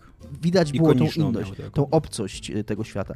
To jasne, ta Duna Wielnów nie jest na tyle dziwaczna, ale nie jest też taka gładka, jak można się było spodziewać. Jest dużo takiej fajnej obcości, takiego, takiego te rzeczy, które widzisz, te technologia, której oni używają, jest jednocześnie znajoma, ale trochę obca i, jest tam, jest tam, jest tam, są na tyle pomysłowe te projekty, że nie masz takiego wrażenia patrzenia po prostu na gładkie tam wygenerowane z generatora statki kosmiczne i tam pojazdy, których używają. Więc pod Jest względem Combine, y, jest Combine z Dune 2. To, to Combine jest, tylko Dominikowi Combine chodzi jest tak identyczny. Y, Combine jest, nie, nie, ba- Nie, wiem, akurat wiem, nie. zabiłem się. Y, Combine jest, jest identyczny z jak w intrze do Dune 2, ale nie, na przykład te, te, te wielkie takie mm, statki w takim kształcie mm, Taurusa, y, z którego No, wylatują. No te Ten- to- takie tak, dziury, wormhole Tak. takie no. To było ciekawe i no i dużo Bo nie wiem, czy wiesz, ale jak masz kartkę i jak ją zegniesz i przybijesz długopisem. Dużo było takich właśnie takich momentów, że patrzyłem na to i jakby mam takie wrażenie, że ten film też przez to, przez tą warstwę wizualną dźwiękową tak trochę pod skórę wchodzi. Wiem, że on jakoś tak tkwi jeszcze we mnie. E, a tu ja, ja z kolei sprowokowałeś mnie do kolejnego zarzutu, który mam, że to jest film, który bardzo dużo wysiłku wkłada w world building. Iga, jakbyś miała w ogóle jakieś pytania do tego, co mówimy, to zapraszamy. Ja was słucham, też Bo tu widzę, jestem, że, jakby co, że robisz, co tak, tam robisz słuchacze. dziwne ruchy i miny i ziewałaś ostatnio, ale jak na, e, to jest film, który wkłada mnóstwo wysiłku w, ro- w world building, a nie tłumaczy kilku bardzo ważnych postaw. Nie tłumaczy, dlaczego e, wykorzystywane są e, tarcze i dlaczego walka wręcz jest jakby na porządku dziennym w tym, w tym... To się, to się wydaje trochę takie hipsterskie, kurde, zboczenie tych ludzi, że oni walczą wręcz, mimo że mają lasery i tak dalej, a w książce to ma bardzo dobre wytłumaczenie. Tutaj, tutaj te, to wytłumaczenie w Jakie ogóle tam nie pada. tłumaczenie w książce tam Że no lasery w zetknięciu z tarczą mm, powodują fuzję nuklearną i mogą doprowadzić do wybuchu nuklearnego. Znaczy, to jest Nice. takie wytłumaczenie, to jest, Nice. No tak, no, to jest, ale takie jest to wytłumaczenie jakieś tak, bo wytłumaczenie. tak, no. Lep, le, lepsze, lepsze jest to wytłumaczenie niż tam, wiesz, y, będziemy się bić kurde pałkami, bo żyjemy 25 tysięcy lat do przodu i wiesz, i, i Nie no, wróciliśmy po prostu do tak, pałek. No. Nie, no, jasne, jasne. Ale po drugie, ważniejszy dla mnie, e, to ten film nie tłumaczy, dlaczego nie ma sztucznej inteligencji i dlaczego nie ma zaawansowanych komputerów w e, świecie Duny. Nie ma ich, ponieważ one się zbuntowały tam 5-30 tysięcy lat temu e, i był ten dżihad butleriański, czyli bunt jakby maszyn, który został stłamszony przez, przez ludzi i od tamtej pory jest e, zakaz jakby budowania myślących, inteligentnych maszyn, co prowadzi do tego, że powstają takie ludzkie komputery czy mentaci. O mentatach też nie ma ani słowa w, to w ogóle w tym filmie. E, I o ile tam tych mentatów to spoko, można ich, można ich wywalić i uważam, że, że to nie, nie, nie jest wielka strata dla filmu, e, no to jakby jest to dziwne, że. To jest absolutnie podstawowe pytanie dla mnie. Oglądasz sobie taki film, on się dzieje 10 tysięcy lat w przyszłość, chociaż tak naprawdę się dzieje ponad 20 tysięcy lat w przyszłość. Nie wiem, dlaczego po prostu nie wpisali kurde innej daty, nie sprawdzili w wiki. Jest, bo te 10 tysięcy to jest po gildii, a nie po Chrystusie. Dobrze, dobrze. Gildia dobrze, powstała 10 tysięcy lat po Chrystusie mniej więcej. Dobrze, dobrze. Wystarczyło inne cyferki wpisać. No. No i jakby wiesz, jest to jednak pytanie do science fiction. Masz, masz film, który się dzieje tam w 20 w 20 tysięcznym roku i nie ma tam komputerów w ogóle, co nie? I to jest uzasadnione i to jest akurat dobry, fajny, bardzo, bardzo istotne dla worldbuildingu Duny, co nie? To, to uzasadnienie z tym dżihadem i, i buntem maszyn i tak dalej. A tego tu w ogóle nie ma. Jakby po prostu w ogóle. Tak, no zgadzam się, jakby ciężko się nie zgodzić z tobą, Tomaszu. E, Natomiast y, wydaje mi się, że jest na korzyść, koniec końców, tego filmu, może nie na korzyść adaptacji Duny, mm, że reżyser podjął faktycznie taką dość ryzykowną decyzję, żeby w takim nurcie współczesnym show don't tell, żeby jak najmniej nam mówić, a przez co faktycznie być może wiele niuansów i głębi umyka. Yy, No ale ogląda się to, ogląda się to Wiesz fenomenalnie. co, ale ja też jeszcze tak, już wracając do samego filmu, to ja zdziwiło mnie trochę, że tak dużo akcji się dzieje, dzieje na Kaladanie, że ta, mm, że ta Duna tak, tak późno ląduje na Dunie, co nie, żeby tak powiedzieć, jakby, bo właśnie gdyby wydłużyć tam na Kaladanie się dzieją stosunkowo mało ważne rzeczy, yy, tak z punktu widzenia, to jest takie czyste, czyste po prostu przedstawianie postaci, poza tą próbą Guamjabar, no okej, co nie, ale to można było w tam 5-10 minutach pokazać. A, a, a gdyby rozbudować ten cały właśnie spisek e, pomiędzy Atrytami i Harkonnenami, to ten temat zdrady Yue i, i, i, i tak dalej, co nie, no to i jednocześnie zakończyć upadkiem Atrydów, to byśmy mieli chyba, mi się wydaje, tak dramaturgicznie o wiele sprawniejsze widowisko. Możesz mieć rację. yy, Aczkolwiek nigdy nie nakręciłem filmu za 150 baniek, więc mogę się również mylić. Możesz mieć rację. Ja mogę powiedzieć z mojego punktu widzenia, że mi się ten zabieg. Byłem bardzo zaskoczony, bo się On, spodziewałem, e, że ten film ten się. Kaladan wygląda bardzo dobrze i to jest, I to, mi się- to, mi się to jest w ogóle mi się- tak. Mi się bardzo podobało właśnie to, jak, y, jak my dużo słyszymy o Dune i my się spodziewamy tej Duny, jak to jest stopnio, jak, jakby zbudowane to napięcie i że właśnie musimy trochę poczekać na tą Dunę. To mi się podobało. Być, chociaż być może, tak jak mówisz, gdyby z tego zrezygnować, to znalazłoby się miejsce na, na jakieś tam pogłębienie tej historii, której... Mi się w ogóle ten Kaladan też bardzo podobał, bo uważam, że to jest super fragment filmu, tylko rozumiem, że oni musieli podejmować jakieś decyzje i że ten film miał trwać 2,5 godziny, a nie 3 na przykład. I dziwi mnie, że zostawili Kaladan zamiast rozbudować Dune, co nie? Było tak. Zabiłeś. Dominika po prostu. Tak, zabiłem Dominika. Przepraszam, zakrztusiłem się wodą. Brawo. Eee, ja sprawdzam swoje notatki, czy coś jeszcze bym chciał zhejtować, powiedzieć. Oczywiście na, na końcu zaznaczę, że ten film mi się podobał i, i, i Iwonie się bardzo podobał, a to chyba ważniejsze, bo Iwona nie jest fanatyczką Duny i... eee, Ja w ogóle chcę A- pójść drugi raz. Mam już, mam już plan, żeby się wybrać w y, tym tygodniu. Dla takiego A, samego mam właśnie. jeszcze jeden, mam jeszcze jeden punkt hejtu. Tomasza punkty A. hejtu i takie Okej. Najpierw, najpierw, jest, najpierw jest jeden hejt ważniejszy, y, że y, y, te y, sceny przewidywania przyszłości przez Paula są strasznie łopatologiczne. I jest ich zdecydowanie za dużo w tym filmie. Jakby są, y, no nie wiem, y, jakby nie lubię takiego, takiego stereotypowego amerykańskiego widza, do którego się czasem mówi, że filmy są kierowane, ale totalnie masz takie wrażenie, że to, że, że to jest tak wbijane młotkiem do głów widzom, co nie? Że pamiętaj, że Paul przewiduje, że pamiętaj, że Zendaya będzie w tym filmie. Nie, tam bardziej, tam bardziej chodzi o Zendaya, żeby, że Tak. ona po prostu musi się pojawiać co jakiś czas, bo była na plakatach i, i była wokół niej promocja i ona jest tam modną twarzą, więc muszą uzasadnić ją. Ja niestety miałem takie wrażenie, że to jest takie cyniczne. Tak, punkt. ale, ale przejdźmy do rzeczy naprawdę ważnych. takim, tym nieudanym punktem kulminacyjnym tego filmu jest pojedynek między Jamisem i Paulem. I to jest pojedynek, to jest stare prawo Fremenów, którzy wy, mogą wyzwać się na pojedynek na śmierć i życie, jeżeli tam chcą, co nie? I e, jedną z najważniejszych cech Fremenów jest to właśnie, że dobro wspólnoty jest zawsze ważniejsze niż ich dobro. Więc i, i że nie można, na, na pustyni życie jest tak ciężkie, że nie można niczego marnotrawić. Nawet wody z ciała, dlatego oni zbierają trupy i, i odzyskują z nich wodę, dlatego oni zabijają niewinnych ludzi, bo uważają, że jakby jest to usprawiedliwione dobrem, dobrem, dobrem plemienia i tak dalej. A oni do cholery się napierwszają w filtrakach, czyli że w tych kombinezonach, które filt frakach, to, się, to jest niewymawialne po polsku, filt frak. Filtr frak. Rzeczywiście. Tak, nie później chyba to, u, wydaje mi się, że później w drugim wydaniu tego samego tłumaczenia to uprościli do filtraków. Tak, no. Ale oryginalnie jest filtrak, więc... więc Filtr tak... to jest bardzo dobry... I oni się napieprzają w filtrakach. Jakby to, to jest... To jest wybitnie ważna rzecz na pustyni, że dobry filtrak, jakby jest na wagę złota w ogóle i to jest też w tym filmie po, po, po, powiedziane, że o, o, bez filtraku to nie mamy szans na pustyni, co nie? I w książce oni się napierdzielali w przepaskach jakby tylko biodrowych i, i, i dlaczego? Why? Jakby, co za, co za debil Freeman, Freeman pozwolił im y, zepsuć, kurde, dobre filtraki, no. Jakby, to, to jest brak szacunku dla ich kultury po prostu.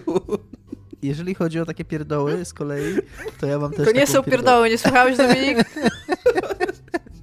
To jest E, ważne. Nie chcę, powiedzieć, nie chcę powiedzieć, że to był dla mnie problem, bo to oczywiście żart, to nie ma znaczenia żadnego. Znaczy to, co powiedział Tomek, oczywiście ma, m- mój problem nie ma, ale byłem bardzo zdziwiony tym, jak po angielsku są wymieniani Harkonnenowie, bo my jesteśmy z gier, nie wiem jak było w filmie Lyncha, ale wiem, że gra była zawsze Harkonnen, było And the Evil Harkonnen było w intrze do Duny, a to mówią tak Harkonnens, Harkonnens, we need to tam be wary of the Harkonnens.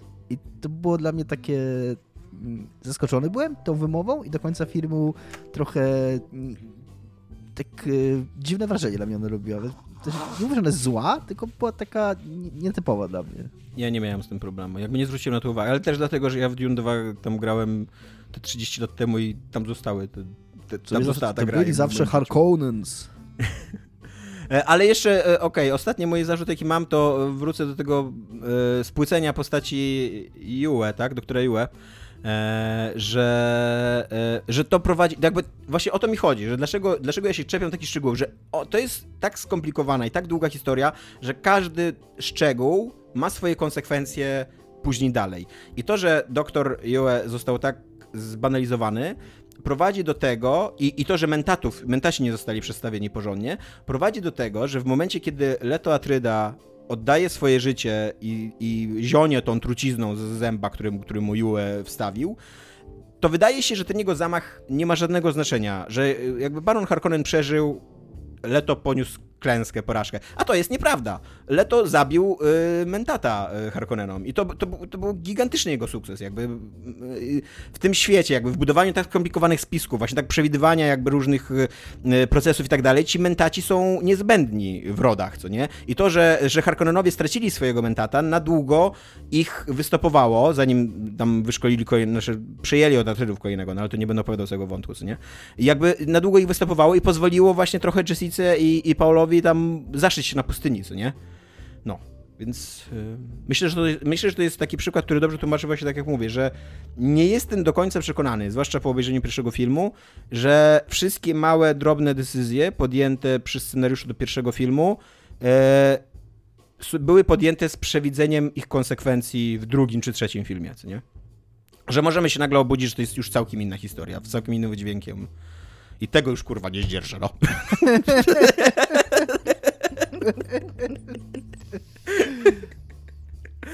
No, e, to tyle od Julii. It Iga, was a ride. pytania? It was Masz a ride, tak powiem, słuchać was. Ale, ale tu ogólnie, jestem. ogólnie polecamy chyba obaj. Tak, Warto się tak, wybrać polecamy. do kina. Jest, to jest, No, jest taki, Jak chcę tylko Na poziomie wyzdrowić takiej- i pójdę. na poziomie widowiska i takiej magii kina, to, to ten film działa super. Wydaje mi się, że właśnie od czasu y, Blade Runnera 2049, czyli tego samego twórcy filmu, nie było filmu y, tak dobrze wyglądającego, robionego z tak dużym budżetem i z takimi dużymi ambicjami science fiction, jakby właśnie powiedzenia czegoś ważnego. Nie, nie, nie dostarczenia ci takiej, takiej zabawy, widowiska tylko, ale też y, opowiedzenia historii, która jest głębsza i w której możesz się doszukiwać jakichś podtekstów i tak dalej. Nie? I to jest super. Jakby. Za to wielki szacun. Tak. To tyle, tak? Bo Tak, to widzę, że tyle. Chyba. Wszyscy zamilkli. Iga, jakieś, jakieś pytania? No, dobra, to cześć. Pa. Cześć.